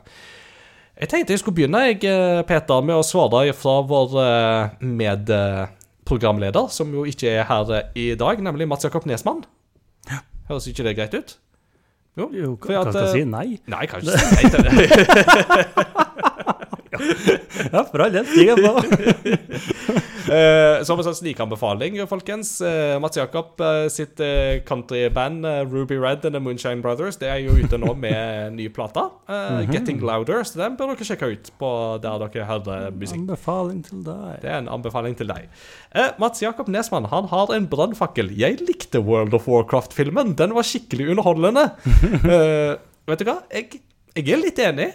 Som en som bare har et sånn veldig overfladisk forhold til Warcraft, så jeg lot meg underholde. Så ja. Jeg koste meg med den. Ja, ja, der ser dere. Ellers er nok Street Fighter The Movie også en favoritt. Men det er jo klart at den er jo, den er jo så dårlig at den blir bra, så det er jo ja. uh, fun fact, det kom ut et spill til den filmen. Street Fighter The Movie The Game. Uh, og da sa han posta Sega Saturn-utgaven av det spillet, som jo er den som er mest kjent. Og det stemmer, det. Street Fighter The Movie The Game. Det, det finnes. Det er litt sånn som Princess of Persia The Movie The Game. Uh, eller Ratchet and Clank The Movie The Game. Ja, det fins noen varianter av det. Uh, har du en uh, neste på lur der, Peter? Det har jeg, og det, er to Godspark. Den passer jo så bra i dag, og ikke minst fordi jeg er fryktelig enig. Eh, Castlevania, eh, den forrige. Den episke kampen og slutten i sesong fire er helt fabelaktig. Og jeg får fortsatt tårer i øynene av å se slutten på sesong to. Eh, ja, altså det er en knallgod serie. Mm. Uh, når jeg var ferdig med eh, sesong fire, så skulle jeg bare, å, bare se starten igjen. For det er en ting som jeg ofte har med en del type serier, at det er artig når jeg, type Friends, når jeg er ferdig med å se alt sammen, så hopper jeg tilbake og så ser første episoden. Mm. Bare for å Da får du veldig tydelig hvor mye som har skjedd i løpet av eh, 9-10-18 sesonger. Um, jeg skulle gjøre det samme med Castlevania, og før jeg visste ordet av det, så var jeg midt ute i sesong to. Uh, så det, så det, det, den forsvinner jo inn. Nydelig uh, serie. Mm. Det skal jo sies at sesong én er jo bare fire episoder, så den Jo. er jo ikke så lang. Eh, Ikke heng deg opp i detaljene, OK? Men jeg er helt enig. altså Mm. Slutten på sesong to der er jo gåsehud. altså Det er liksom nitrist og dramatisk på en og samme tid. Og sesong fire òg slutter på en god note, altså. Så Mm. ja, mye bra. Uh, jeg tenkte jeg skulle ta for meg eh, Jens Daniel Vinvann. Litt usikker på om han har kommentert før, og hvis han har det, så er det lenge siden. Så det er veldig kjekt. Eh, han eh, lurte jo mm, på om eh, Arcane eh, faller utafor begrepet adopsjon. Det sa jeg at nei, det gjør det ikke. Så da tenker jeg at Arcane, League of Legends, eh, har blitt eh, lagt til der. Men han skriver The Last of Us er en no-brainer, men kanskje litt urettferdig utgangspunkt, ettersom spillet lå ganske nært en dramaserie fra før. Kanskje dere også kan snakke om hvor usannsynlig dårlig Assassin's Creed-filmen var. Fantastisk utgangspunkt, horribel gjennomføring, og det er jeg helt, helt 100 enig i. Eh, jeg, min umiddelbare reaksjon etter å ha sett Assassin's Creed-filmen var hvordan kan du ha et så bra utgangspunkt og ende opp med noe så middelmådig? Altså, det er, jo, det er jo imponerende, det, da. Det er jo Du imponerende. skal, du skal jo ha kred for å få til noe så Det er jo det Det er jo det er ikke, det er ikke verst. Ja, nå tok jo du både altså Andreas eh, nevner jo Arcane, eh, som er veldig Platten eh, nevner Last of Us. Og, så da hopper jeg videre på Exiliath sin. Og hun, der, der står det jo Nei, det må jo være Donkey Kong Country, da. Som, ja. Å nei, ikke den animerte serien. Å nei, å nei, å nei. Oh. jeg har fått så traumer etter at vi så på den i Retrospillauget som en del av Donkey Kong Country-prosjektet vårt. Det var, det var grusomme greier. Ikke så dårlig at det blir bra engang. Det ble Nei. bare Ja. Ja. Men ikke så dårlig som Assassin's Creed-filmen. Det- Oi, det er en, mell ja, det er en mellomvei. Ja, ja, ja. Uh, Eirik, uh, jeg trenger vel nesten ikke spørre hva som er din favorittadopsjon, for uh, der tenker jeg vel at Joel og Ellie spiller en ganske sentral rolle. Oh yeah! The Last of Us, og igjen, da Nå er jeg kjedelig karen som sier at jeg er i sin League of Legends-spillet, men fy flate, jeg ble tatt av den serien. Mm, Arcane, altså. Det, det, det, det er prestasjon. Absolutt. Fy ikke så deilig det var med en serie der du merker at her har de virkelig arbeidet med manus. Mm. Ikke sant? Og sagt det før, animasjonene i den serien er helt bananas rå. Mm. Det er så kult. Mm. Eh, så, vi, for å ta inn et par sånne slengere uh, Vi har jo hatt en Mario-film i år, som jo slettes ikke var så verst, syns jeg iallfall. Altså, gjorde jobben sin på det den skulle. Uh, inkludert å lage en monsterhit som jo folk har uh, brukt opp til de grader i sosiale medier. Peaches, peaches, peaches, men for sin tid i forhold til hva den skulle gjøre, så syns jeg Final Fantasy, Final Fantasy 7 Advent Children faktisk var en god film. Uh, for sin Altså, det interessante med å se den nå, er jo at den nå er jo den grafisk sett utdatert, særlig med tanke på lys og sånne type ting. Så merker du veldig fort at her har det skjedd veldig mye. Uh, men uh, for det den var for sin tid, så er den filmen faktisk ganske underholdende. Så ja. Hvis Final Fantasy 7 eh, frister til mer dypdykk, så kan jo den filmen være worth check a look. Liten shout-out til Twisted Metal òg, forresten. For jeg ble så irritert okay. på svenskene at de ga den to av ti. Så dårlig var ikke den, altså. Så jeg faktisk Twisted Metal var en sånn helt grei serie. Ja. Liksom, Eh, Hva forventa av en, et spill som handler om en mann som har erstatta armene sine av to svære dekk og kjører rundt og dreper folk? det er sånn det- Altså, du selger inn så bra. Så hvis du har lyst på en helt middels kveld, så har du en helt middels serie om en mann som Skru av hjernen din når det liksom litt like som du sa. Da, liksom, oh, du har ikke lyst til å bare sitte på mobilen din og liksom holde på litt sånn, men bare skru av hjernen på en annen måte. Det er et par sånne artige vitser i ny og ne. Liksom, helt greit. Ja. Men uh, da, da fikk vi den. Så Uh, ikke to av ti, men tre, fi- fi- fire, fire, fem av ti. fi- Fem av ti. Ah, Fem, fem, fem, fem, seks. Noe sånt. ja, da, men vi trenger mer fem og seks av ti her Ja, i vi livet. Det, vi trenger mer av det òg. Eh, Altså, jeg hadde jo en kamerat, han brukte ofte å gå på Netflix, og så fant han den med dårligste filmen, bare for å ja, se den rett og slett av Ofte så bikka de over at det ble bare komisk og bra og sånt, men det var utrolig deilig å skru av hjernen en kveld. Ja, for at vi, vi trenger de dårlige tingene for å sette de gode tingene i, i større perspektiv. Sånn at vi ser hvor gode de gode tingene faktisk er.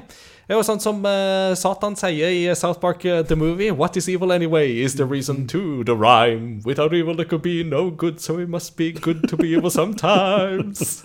Up there. Ja.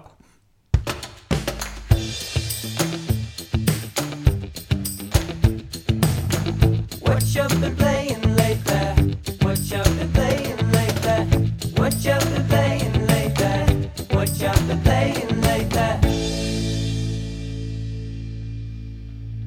Og med den eh, fantastiske overgangen så skal vi kjøre litt innom hva vi har spilt i det siste. Og da tenker jeg jo som vanlig at vi må la gjesten få begynne. Eh, Og da er det særlig ett spill som jeg har litt lyst til å høre fra deg om, Eirik. Og det er jo et spill som du har vært veldig positiv til, og som jo dessverre ikke har solgt like godt som eh, du jo kanskje skulle ønske. Så fortell oss litt om De udødelige fra Elverum. Avium, mener jeg selvsagt.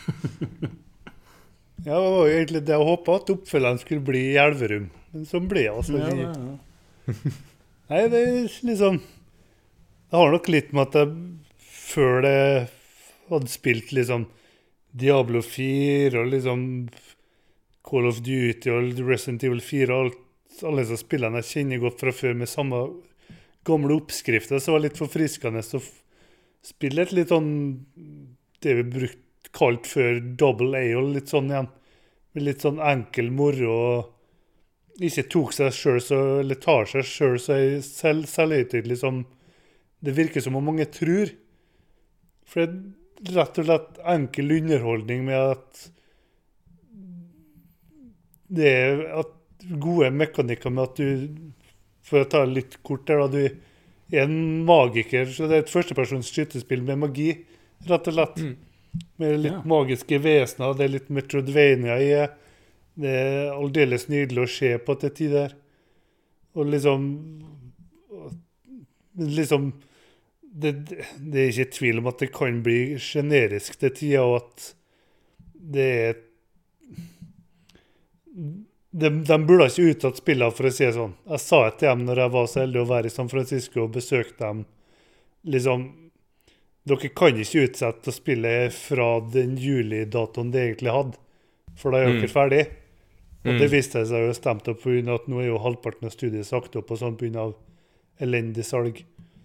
Det sies rett og slett at det var et enkelt Nå, nå snakker vi ikke samme underholdning som Twisted Metal, for jeg går det her i en mye høyere karakter. Men så er jeg snill, kjent for å være veldig snill med karakterene. Det, Nei, det vil jeg ikke si. Det vil han jo si når jeg har flere tiere, eller to tiere, og nå har jeg jo gitt Immortals of Avium ni, mens resten ga jeg seks og sju og sånn. Ja, men altså, det, jeg føler at jeg er snillere med karakterene enn deg, egentlig. Så Jo, alt Men, er eh, relativt. Ja, det er jo det. det. er som et søtt ektepar.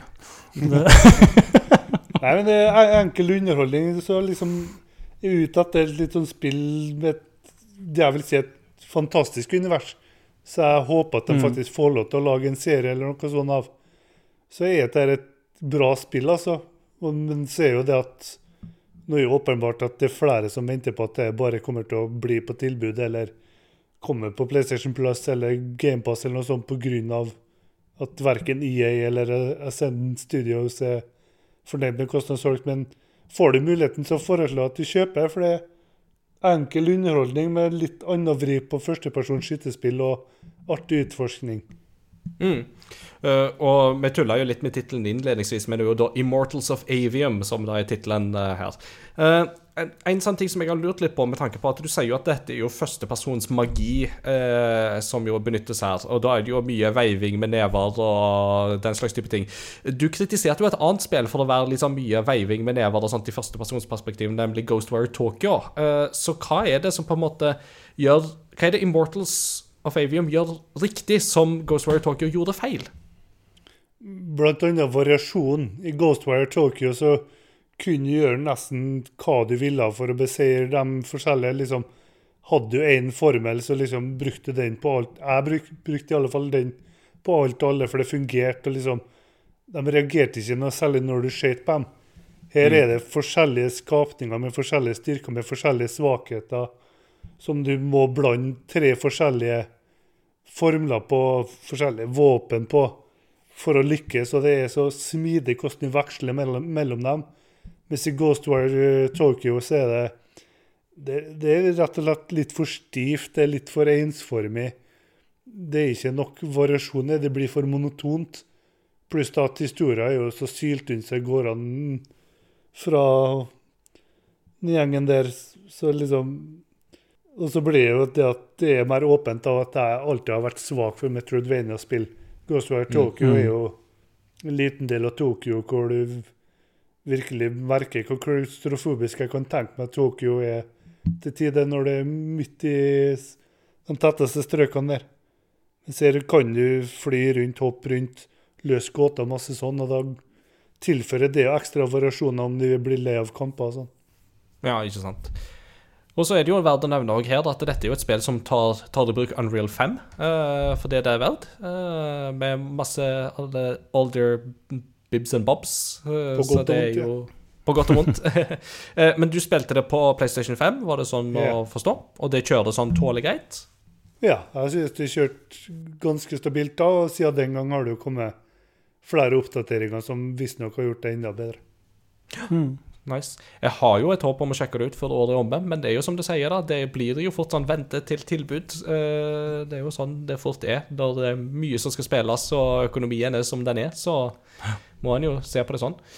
Eh, Men du har, eh, du har iallfall to spill til på lista, så Dead Space remake, hva, hva tyks? Jeg må jo først si at jeg ikke hadde spilt originalen, bare sett det litt. Mm. Og bare for å svare på, nesten svare, svare på spørsmålet på den måten, så har jeg platinum i spillet nå. Ok, ja. Storkost meg rett og slett, for det var så, Igjen, det Jeg fikk skikkelig Resident Evil 4, som er en av mine er vel faktisk mitt favoritt Resident Evil-spill. Men en så Mm. fin blanding av både action og skrekk er vel å ta i, men liksom den nerven som er i spillet. Mm, Suspens. ja. ja. Mm, nei, så, så gøy. Og det å kjøre er greit sånn eh, performance-messig og sånne ting òg, eller hvordan Ja. er det? Jeg foretrekker alltid bildeoppdateringa. Den Det kjører i ganske stabile 60, med unntak når du plutselig begynner å skyte de kjære necromorphene med eksplosive armer, og du sprenger fire-fem stykk samtidig. Da hakker bitte litt, men jeg er veldig pirkete på sånn. og Mm. Jeg tror de færreste vil merke det. Mm. Eh, Peter, uh, zombiespill er jo ikke de greia, men uh, Jeg føler meg som hykler på det området der. Nei, nei, nei. Altså, zombiespill blir stadig mer eh, Eller du, du har mer på en måte du, du har et større spekter der enn det kanskje førsteinntrykket gir inntrykk av. Men altså Basert på at jeg ikke liker zombier eller glad Ja. i zombiespill, serier, filmer, noe som helst av zombier, men spiller sinnssykt mye zombiespill og Ja. sånt. ja. mhm. eh, Men eh, Dead Space, er det en serie du har noe forhold til? Eh, nei, ikke ennå. Nei? Men det, siden det er zombier, så tar det sikkert å ordne seg sjøl. Det er ufrivillig. Nei, uh, ikke noe annet jeg har hørt om det, og hørt eh, bra om det. Uh, og, så det er liksom Det, det, det ligger på lista, men min uh, Jeg må seriøst få farta på spillinga mi, for det jeg kan jo ikke holde Altså, hvis jeg skal fortsette nå Jeg spekker jo sikkert 350 timer på cella før jeg ble ferdig hvis jeg på sånn her. Jeg hadde litt tid en dag her, og liksom, hva gjorde jeg? Nei, jeg sprang og lette etter brønner. Hvorfor skal det? Jo, fordi det er hun ene dama som skal kaste deg alle brønnene. jeg vet det, men det Why? Oh, ja. Nei, men så men, Nei, jeg har ikke spilt det, men um, She's not well. Takk for meg. Fytti katta. Oh. Takk for meg. Eh, Ja. Hyggelig å være her, karer.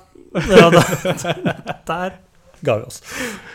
Men nå når altså, Når du ikke har spilt eh, eh, Spilt eh, originalen, skal vi si, og så har du plutselig endt opp med en og pletta det, så eh, er jo det utrolig positivt. å ha jo òg vært borti eh, zombiespill, eller ja, hælskumle og litt ja, spill som er Du liker ikke i utgangspunktet, men så du, det vokser jo så gærent på det. Eh, hvis storyen er, er der, hvis storyen er god. Eh, eh, Last of Us eh, brukte jo tre måneder på de første tre timene, eh, og to dager på resten. Eh, liksom, for det, du blir bare sugd med. Så det, det er der. Eh, jeg kjenner til det, og så eh, har det blitt der. Mm. Eh, jeg tenkte på Vi har jo snakka tidligere om eh, The Callisto Protocol, snakket vi om i del én her. Men uh, fikk du testa det da det kom ut uh, før, før jul, Eirik? Og hva føles, det hvordan føles det ene eller det Hvordan føles det ene i forhold til det andre? Jeg vil kalle The Callisto Protocol mer filmatisk. Det er mer lineært. Det er jo det mye kritiserte kampsystemet med at du liksom bare står i ro og trykker inn analogspaken i ny og ne for å komme unna angrep og sånn, men det, det er åpenbart at det er lagd fra samme hovedperson, da. Det er litt den samme nerven, det er samme design av omgivelser og sånn, men det blir igjen Du har nå lest noen anmeldelser mine, Inga, at det blir rett og slett litt for monotont i forhold til Dead Space, hvor det er bedre variasjon av fiender. Det er flere måter du kan skape litt bedre variasjon på sjøl. Og det er den generelle atmosfæren er litt bedre i Dead Space, litt pga. den nye Jeg husker ikke helt hva de kalte det, men det var vel deres svar på Left for Dead sin director sitt director-system, at det justerer seg om du så går tilbake til gammel lagringsfil, så kan det endre seg når monster popper ut, når det kommer eh, damp ut av rør, og litt sånn som gjør slik at kroppen din hele tida i en sånn fin balanse mellom å være redd og være ganske sjølsikker, og rett og slett bare være nysgjerrig på hvor veien går videre. Veldig spennende. Det, jeg òg burde gi det en sjanse uh, før året er omme. Uh, det burde jeg jo. Uh, og par parallelt med det så nevnte du jo òg Resident Evil 4 tidligere, og det ser jeg òg at du har notert deg på lista. Har så vidt starta, for jeg starta med det nå som jeg ble ferdig med Dead Space denne uka her. For jeg Ja. gledet meg veldig til men jeg bare liksom venta på at de skulle få gjort ferdig noen oppdateringer og sånn, for jeg er av typen som Ja, du vet jo sjøl en gang når du anmelder spill, så er det sjelden du får den beste utgaven av spillene. For Mm. som anmelder så blir du veldig obs på hvor masse et spill kan endre seg på bare noen uker. Mhm. Så liksom det å kunne vente til Resident Evil 4 var så finpussa som det sikkert kommer til å bli. Og liksom starten i seg sjøl er jo deilig å bare komme tilbake til den landsbyen og allerede Mhm. nå se endringene de har gjort, og litt sånn Og litt sånn ha det litt gøy med forskjellige og ting en kan gjøre, f.eks. den noe berømte at du liksom kan skyte kirkeklokka for å avslutte den sekvensen litt tidlig og litt sånn. Mm. Men da, da skal du treffe bra. Da skal du jo treffe bra. Og ikke minst, nå har jo faktisk Leon lært seg spansk i innledninga. Det hadde tatt seg bryet til det denne gangen, i motsetning til originalen. Der det bare braser inn i et hus og bare sånn der 'Har du sett denne jenta her? Ah, hvorfor kommer du mot meg?' Bang, bang, bang.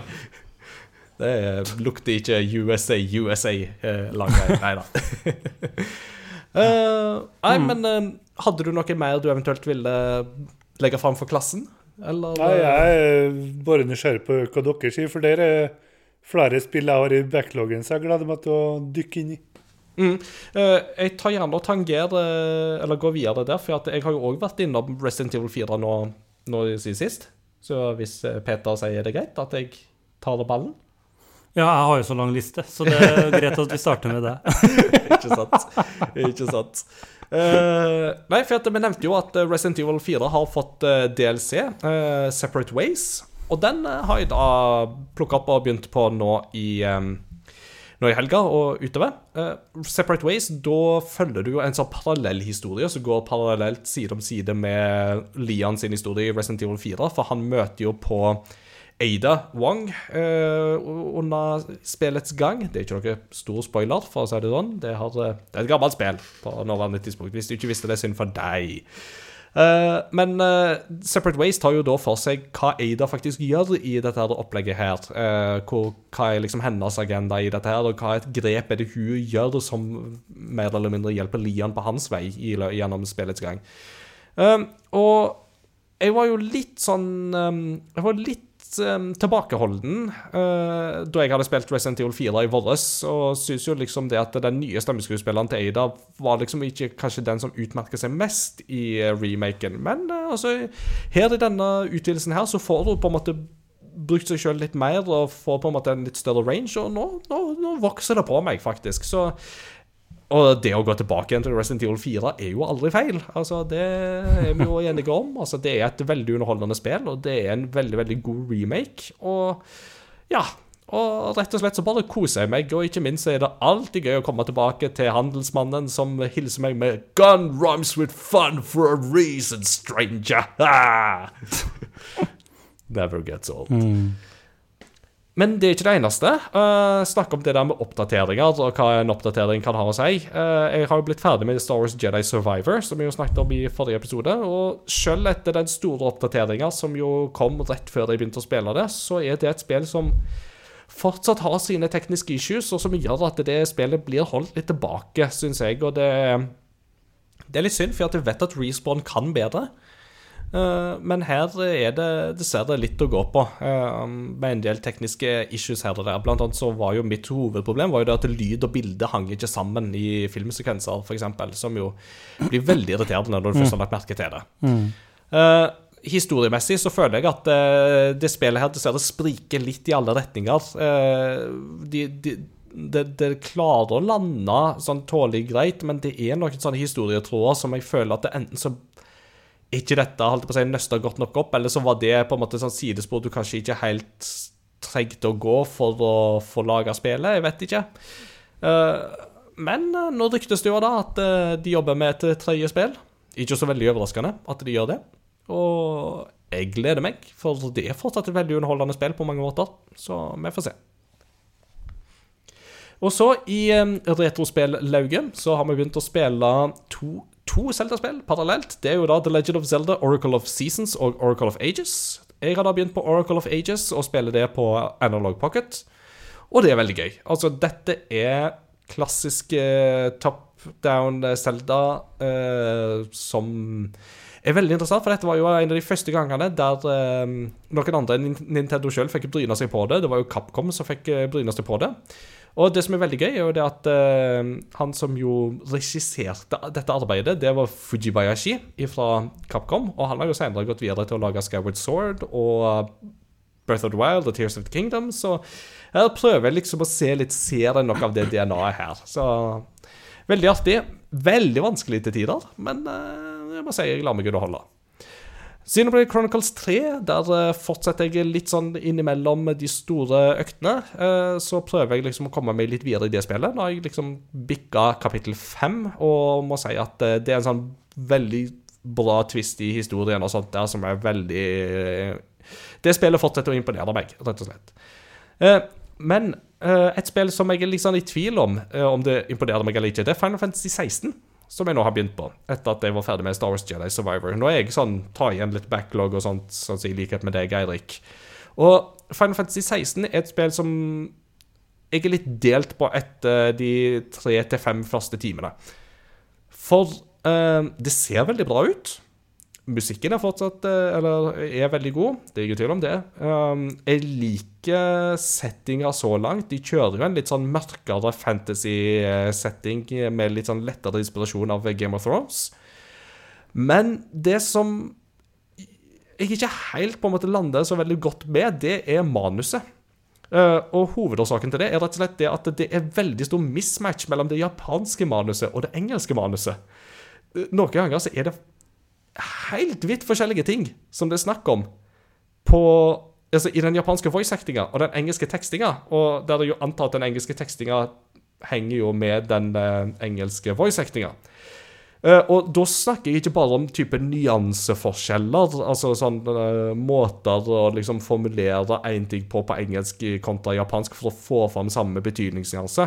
Nå snakker jeg om to ganske vidt forskjellige innholdsmessige ting. Eh, og noen ganger også, så er- koker det liksom ned til at eh, noen personligheter nesten blir helt skrevet om fra japansk til engelsk. Eh, der da den engelske utgaven legger seg på en sånn derre F- folk i Vesten de liker når ting er litt edgy og tøft, og vi slenger inn litt F-bombs og S-bombs og sånt her og der, og eh, litt sånne ting som det. Så hvis vi gjør han Clive litt sånn ekstra sånn nø, nø, nø, nø, i den engelske, og så blir eh, de som møter han, blir bare sånn der eh, Drit og dra tilbake. Når det ikke er noen ting av det i den japanske utgaven, så blir det sånn Det blir sånn mismatch.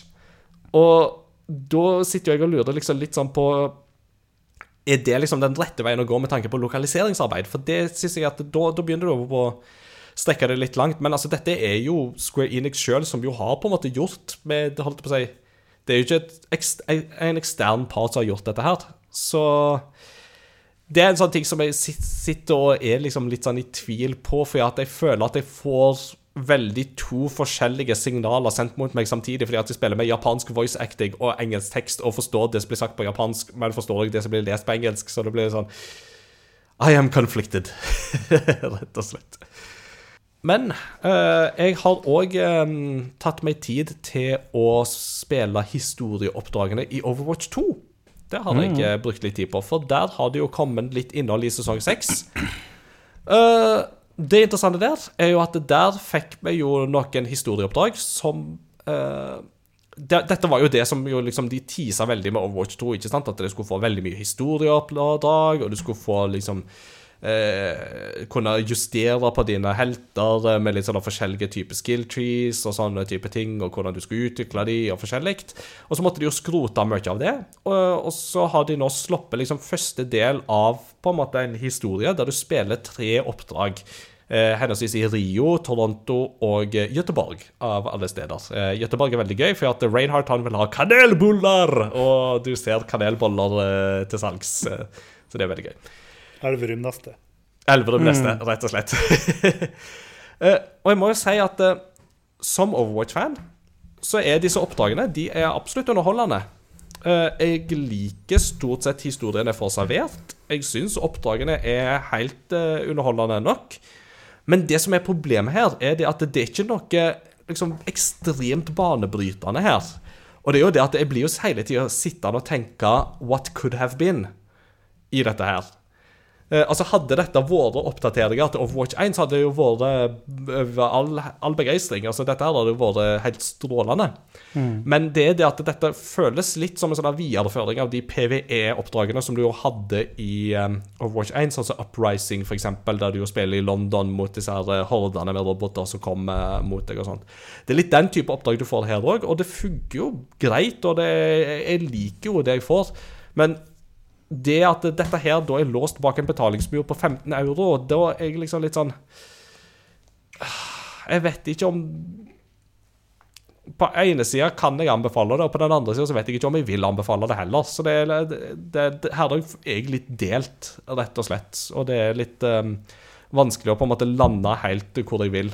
Og det at det er låst bak en betalingsmur, gjør jo òg at det er færre folk som spiller dette enn det som spiller vanlige ting i Overwatch 2. Så det er veldig vanskelig å matche deg opp med tre vi- vidt tilfeldige folk på nettet.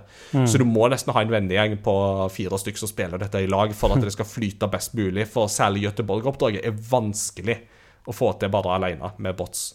Når du liksom lanseringstreneren fikk det til å se ut som det var litt sånn filmatiske sekvenser, og sånn er sånn 20 sekunds filmatiske sekvenser i et oppdrag, eller hvordan fungerer selve historieinnholdet? Eh, Selve historieinnholdet er gjerne en animert eh, sekvens til å begynne med, og en animert sekvens på slutten. Eh, og så er det litt historiefortelling imellom eh, mens du går rundt i disse oppdragene og skyter forskjellige ting og sånt. Så du får absolutt eh, litt animert eh, kvalitet her. Det gjør du jo, og det er liksom den der stramme regien som man jo er vant til ellers. Men eh, jeg mangler liksom de der helt store wow-opplevelsene som jeg har fått fra de ulike eh, videoene de har laga tidligere, eller Overwatch 2-traileren som de jo lanserte til å begynne med, med dette oppdraget i Paris og litt sånt. Så det, jeg er ikke helt der, men det er ikke dermed sagt at det, det er ikke dermed sagt at det er dårlig. Det er bare det at jeg sitter jo og tenker litt sånn på at eh, jeg, jeg sitter og lengter etter at Overwatch-teamet kan få lov å lage det de vil, på deres premiss. eh, og ikke på en eller annen eh, Ikke på Bobby Kotick sine premisser, for å si det litt uh, stygt. Men jeg har ett spill til, eh, og det var jo det spillet som vi jo snakket mye om i forrige episode, Peter. eh, og som jo du lo så godt av, fordi at jeg gikk jo fra total glede til bunnløs fortvilelse. Skade, skadefryden tok litt over akkurat der. Beklager. Ja, mm, Eh, nei, for det er jo sånn, altså, som F-Zero-fan mm. Når jeg først får et F-Zero-spill tilgjengelig, og det er liksom inkludert i et årsabonnement som jeg allerede betaler for, så må jeg jo sjekke det ut. Om ikke annet bare for å gi Nintendo beskjed om at eh, altså, jeg tar det jeg får av F-Zero, så gi meg mer F-Zero. Um, og altså, Shigeru Miyamoto skal jo visstnok ha sagt en gang at eh, dere får ikke nytt F-Zero før vi faktisk har noe nytt å komme med. Og det føler du at det har de faktisk klart i F-Zero 99. Jeg må si at uh, på tross av alt, jeg lar meg underholde av dette her konseptet. Det er jo det klassiske Super Nintendo F-Zero, der du bare istedenfor å ha fire motstandere, så har du 98 motstandere på en og samme tid. Det blir kaos!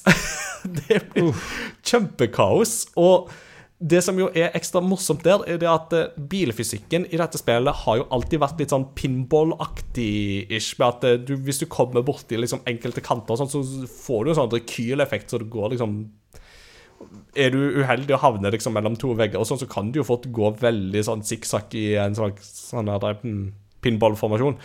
Det blir det veldig mye av i dette spillet, og det passer egentlig veldig godt eh, for denne formelen, med at du slenger liksom 99 biler i samme mm, løp, og med den type fysikk, og så ser vi hvordan det går.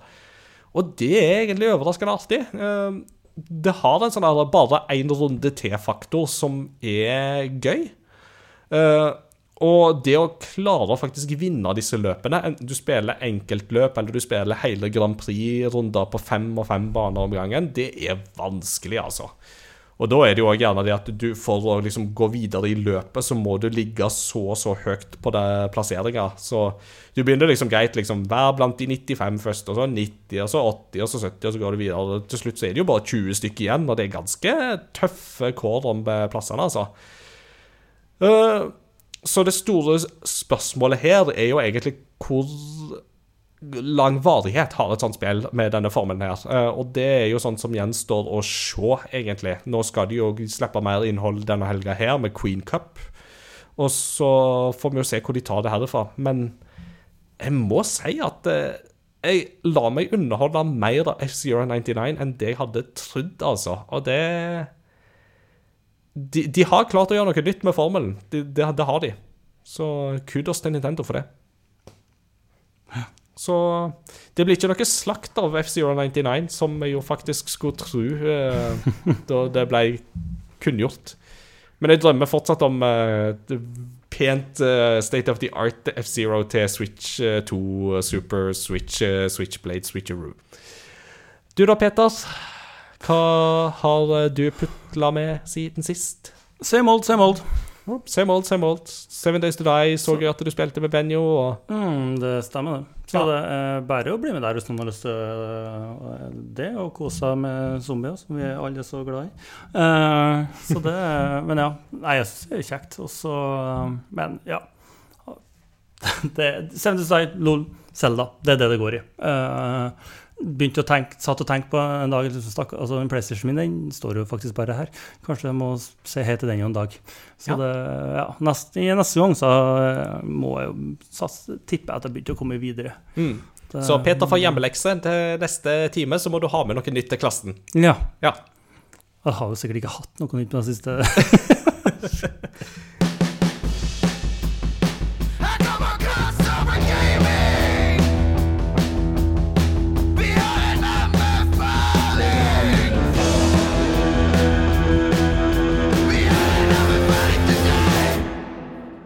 En anbefaling til deg og til meg og til alle som lytter på, det skal vi få fra Eirik. Og du har tatt med en film til publikum i dag.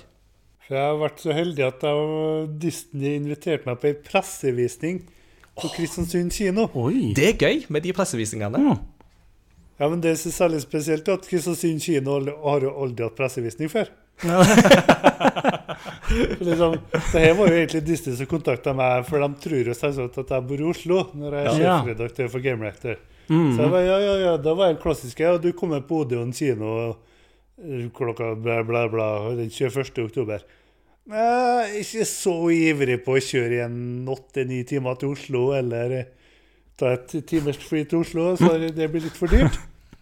Ja, men, ja, men hvor bor han du? Så sier jeg, jeg bor ikke så langt unna Trondheim, jeg bor i Kristiansund. To dager etterpå det ble det pressevist inn til her på Kristiansund kino for å se The Creator. The Creator. Ja. Ja. La oss Nyeste eh, filmen til Gareth Edwards. Mm. Mm. Mannen bak både Godzilla og eh, Rogue One, for å nevne noe. Og jeg har ikke vært på kino på veldig lenge, men det var en film det var utrolig deilig å være på kino på.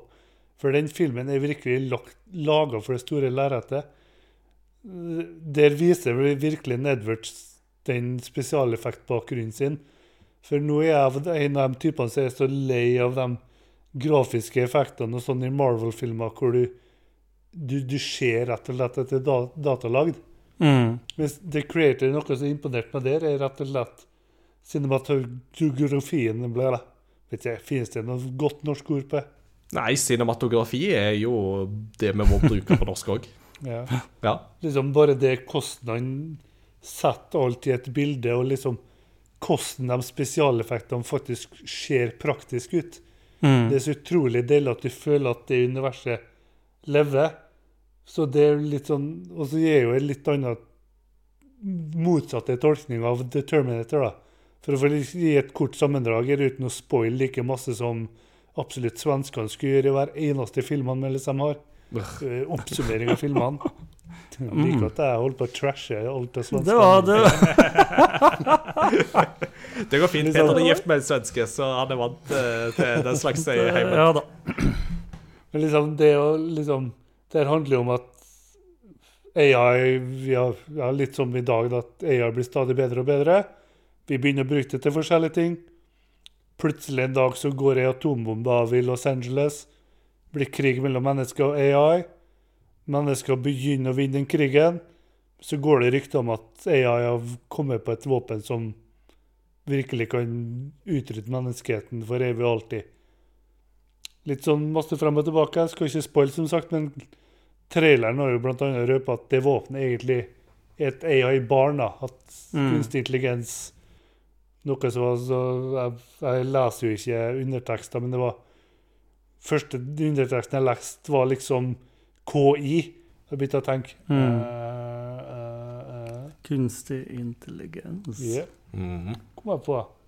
Men det at det, og da ble jo at vår kjære Tenet-skuespiller, så jeg alltid vil kalle herr Washington fremover At han blir litt tilknytta det barna, derfor selvsagt får litt vanskeligheter med å faktisk ødelegge det. Mm. Utvikle seg litt sånn. Det er jo der jeg forstår at den bare har en sånn tror jeg 6,5 på Metacritic eller noe sånt, for manus og generell historie det er ikke Edwards god på. Det kan de ikke ha på seg med verken Rogue One eller Godzilla eller noen filmen her, for det er ikke ofte at jeg er av typen som liksom faktisk tar den gode gamle facepalmen og liksom Å, herre, gikk du virkelig dit? Mm. Men det satt jeg alene i kinosalen og liksom bare tok panna og bare Åh! liksom, Og da sto Disney-representanten i hånda og bare Note to self, this point facepalm. Oh no, no, no, call Edwards. liksom det, det er som flere Mange deler av forskjellige scener i filmen her er så utrolig bra og prøver faktisk å gjøre noe nytt med den sjangeren der. Mm. Men så liksom sekundet etterpå så er liksom Bare for å ta et sånn helt generelt eksempel liksom, Hvor ofte Washington sin eh, karakter Joshua først er litt så, så glad i barn, og så sekundet etterpå behandler det som en datamaskin, og liksom litt sånn hvordan han skifter personlighet på sekundet. Mm. Da begynner jeg å liksom se at det faktisk er to manusforfattere av filmen her som tydeligvis ikke har samarbeidet, men bare skrevet forskjellige deler av manuset hver. Du skriver setning, jeg skriver setning. Dytt, dytt, dytt, dytt. Ødelegger sånn, for igjen, estetisk og selve konseptet i den filmen her er så utrolig bra. Ja. Har du lyst på en kino og liksom bli imponert over presentasjonen, så vil jeg helt klart råde dere til å fære og se noen filmen her. Og en barneskuespiller jeg tror kan nå veldig langt, for det var enkelte scener der som faktisk traff et hjerte mange vil si er lagd av stein. Hmm. Ja, det skal litt til, altså. Det steinhjertet der, det trenger man ikke så lett gjennom. Men Det som jeg skrev i The Last of Us-anmeldelsen min, at det nærmeste jeg kommer på gråten, er Metal Gear Solid 3 sin slutt, Ja, og litt enkelte scener i The Last of Us Part 2. ja. Men, eh, men du nevner jo The Last of Us her, og det var jo noe av det som du beskrev her, som fikk meg til å tenke litt The Last of Us-vibber. eh, Med holdt på å si Old Gruffy Man meets uh, Child uh, Doesn't Know How To Respond. Det, det lukter jo egentlig at Peder Pascal var skrevet til rollen, men takka nei fordi han var lei av å bli typecasta. Ja, det er ikke tvil, og jeg tror at han av og til kunne ha gjort en bedre jobb. For Washington å streve litt med, men jeg tror kanskje det kan være litt på at da kaller det splitta manus òg. Mm. For igjen, det, det for å bruke det ordet som tydeligvis skal bli drikkelek i podkasten deres hver gang dere har med meg, potensial i den filmen her, men som dessverre da ikke lever helt opp til det. Så liksom Igjen, har dere lyst på en film, bare så fær og se den her, for jeg tror en film som kan bli veldig Jeg har lyst til å høre dere til å diskutere den filmen, da, for å si det sånn. Nei, men det, det, OK, da. Ja. det, det Vi er jo overbundet for en, ny kinotur snart, Peter, så Jo, det er ikke langt Det er ingen zombier Peter. Ja, OK. Men. For dette er en hebreke pachinko-kontroller til Super Nintendo. It's curiosity. What are you gonna show to me? It's curiosity. What a neat thing to know. It's curiosity. What are you gonna show to me? I haven't even heard of it. What a neat thing to know. It's a great the show.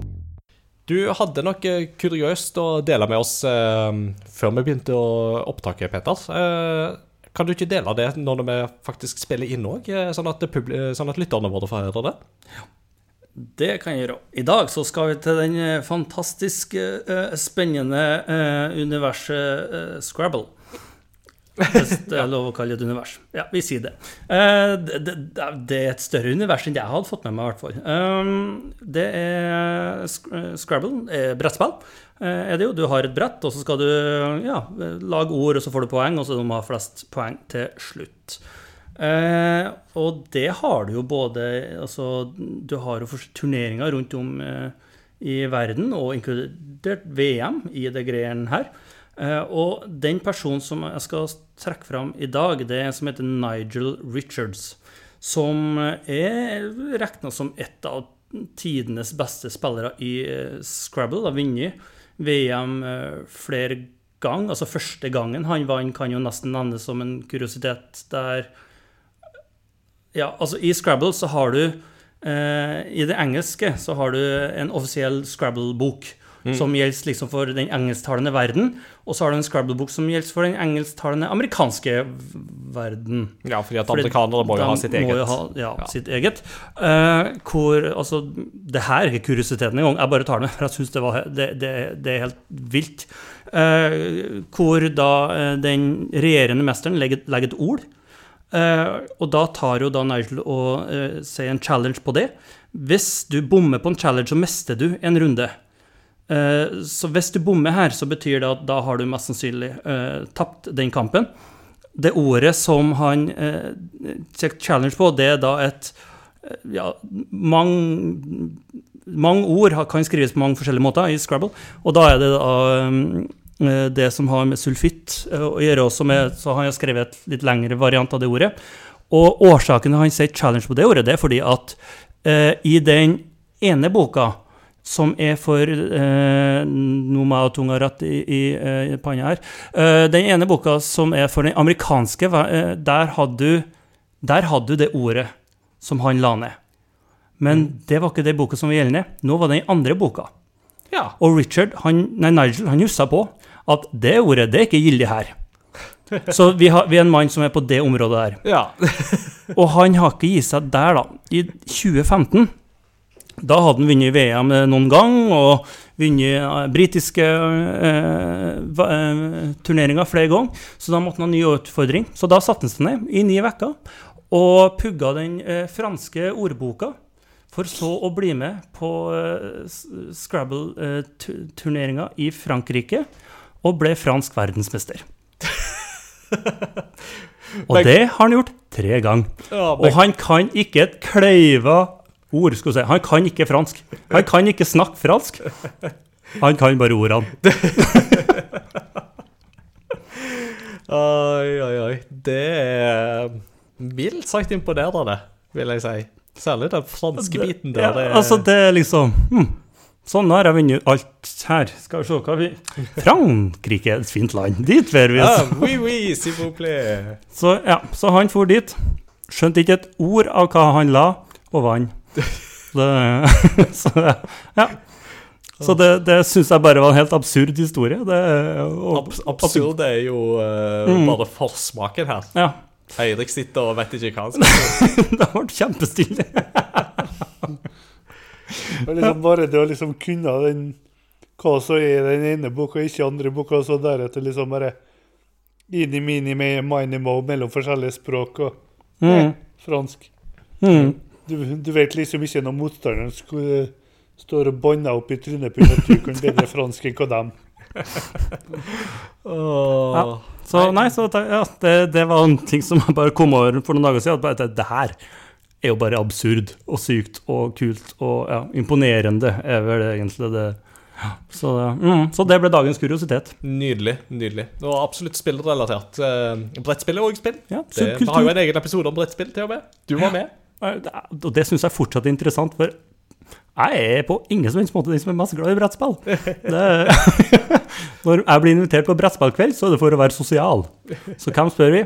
Peter. Du gjorde, en, du gjorde en god jobb, du. Og så god jobb at du fikk programlederpost. Så eh, ja, kan ikke klage. Vi er kommet til veis ende, eh, og som vanlig så avslutter vi med noen spilltrudelutter. Og Eirik, du nevnte jo tidligere Metal Gear Solid eh, her. eh, og jeg har skjønt at det er den veien vi skal nå òg. Yeah! Vi skal til melodien til Metal Gear Solid Peace Walker. Ja. For den er så hype! Så den fortjener lytterne å gå inn i helga med. Så jeg tenker at vi liksom tar den sangen så ca. ett minutt uti, for da begynner den å bygge seg opp, og så kommer de deilige tonene. Ah, nydelig. Jeg, jeg kjenner jo det at jeg, jeg er jo litt hyped på å spille Metal Gear Altså, Jeg har jo egentlig vært hyped på å spille Metal Gear Solid-spillene igjen ganske lenge, men den hypen blir jo ikke mindre av at det liksom nå begynner å nærme seg liksom en ny relansering. Så det passer godt å ha noen Metal Gear Solid-toner. og- Vi får se om du rekker for jul, er ikke det du bruker å si? Jo da. For det er riktig. Jeg har to uker ferie i slutten av oktober, da. Det, Jeg får prøve å utnytte de så godt jeg kan, Mm. tenker jeg. Vi får se. Spiderman er easy platinum, så da er Metal Gear etter det. Yes! Easy Platinum. Det er my Akkurat favorite kind of Sparman er faktisk eh, ganske grei spill og platte. Ja, Han skrev nyhet i dag om at eh, Spiderman 2 vil få eh, Easy Platinum, det òg. Så ja. Nice. Kult. All right. Eirik, som vanlig en glede å ha deg med. Eh, nå var det litt lenge siden du hadde vært med i hovedpodkasten, beklager det. Men uh, nå var, du kunne du stille, så det var veldig kjekt. Veldig hyggelig å få komme tilbake. Ja da. Liker Og at det går såpass lang tid at dere glemmer hvor dårlig gjest jeg er. slik at jeg får tilbake. You undersell yourself good, sir. Men uh, det du, du skal få lov til det. Jeg skal ikke ta fra deg det privilegiet og underselge deg sjøl. ellers eh, anbefales til venner og kjente. Gå til crossovergaming.no for å finne våre sosiale mediekanaler. Der ligger det òg ute litt anmeldelser i ny og ned. Eh, ingen Patrion eller noen sånne ting på oss. Vi kjører en eh, gratis kom som du er-opplegg, og bare bli med og ha det kjekt sammen med oss. Det syns vi er veldig artig. Vi er tilbake om et par ukers tid, så vi snakkes ved neste korsvei. Ha det bra! Ha det. Ha det.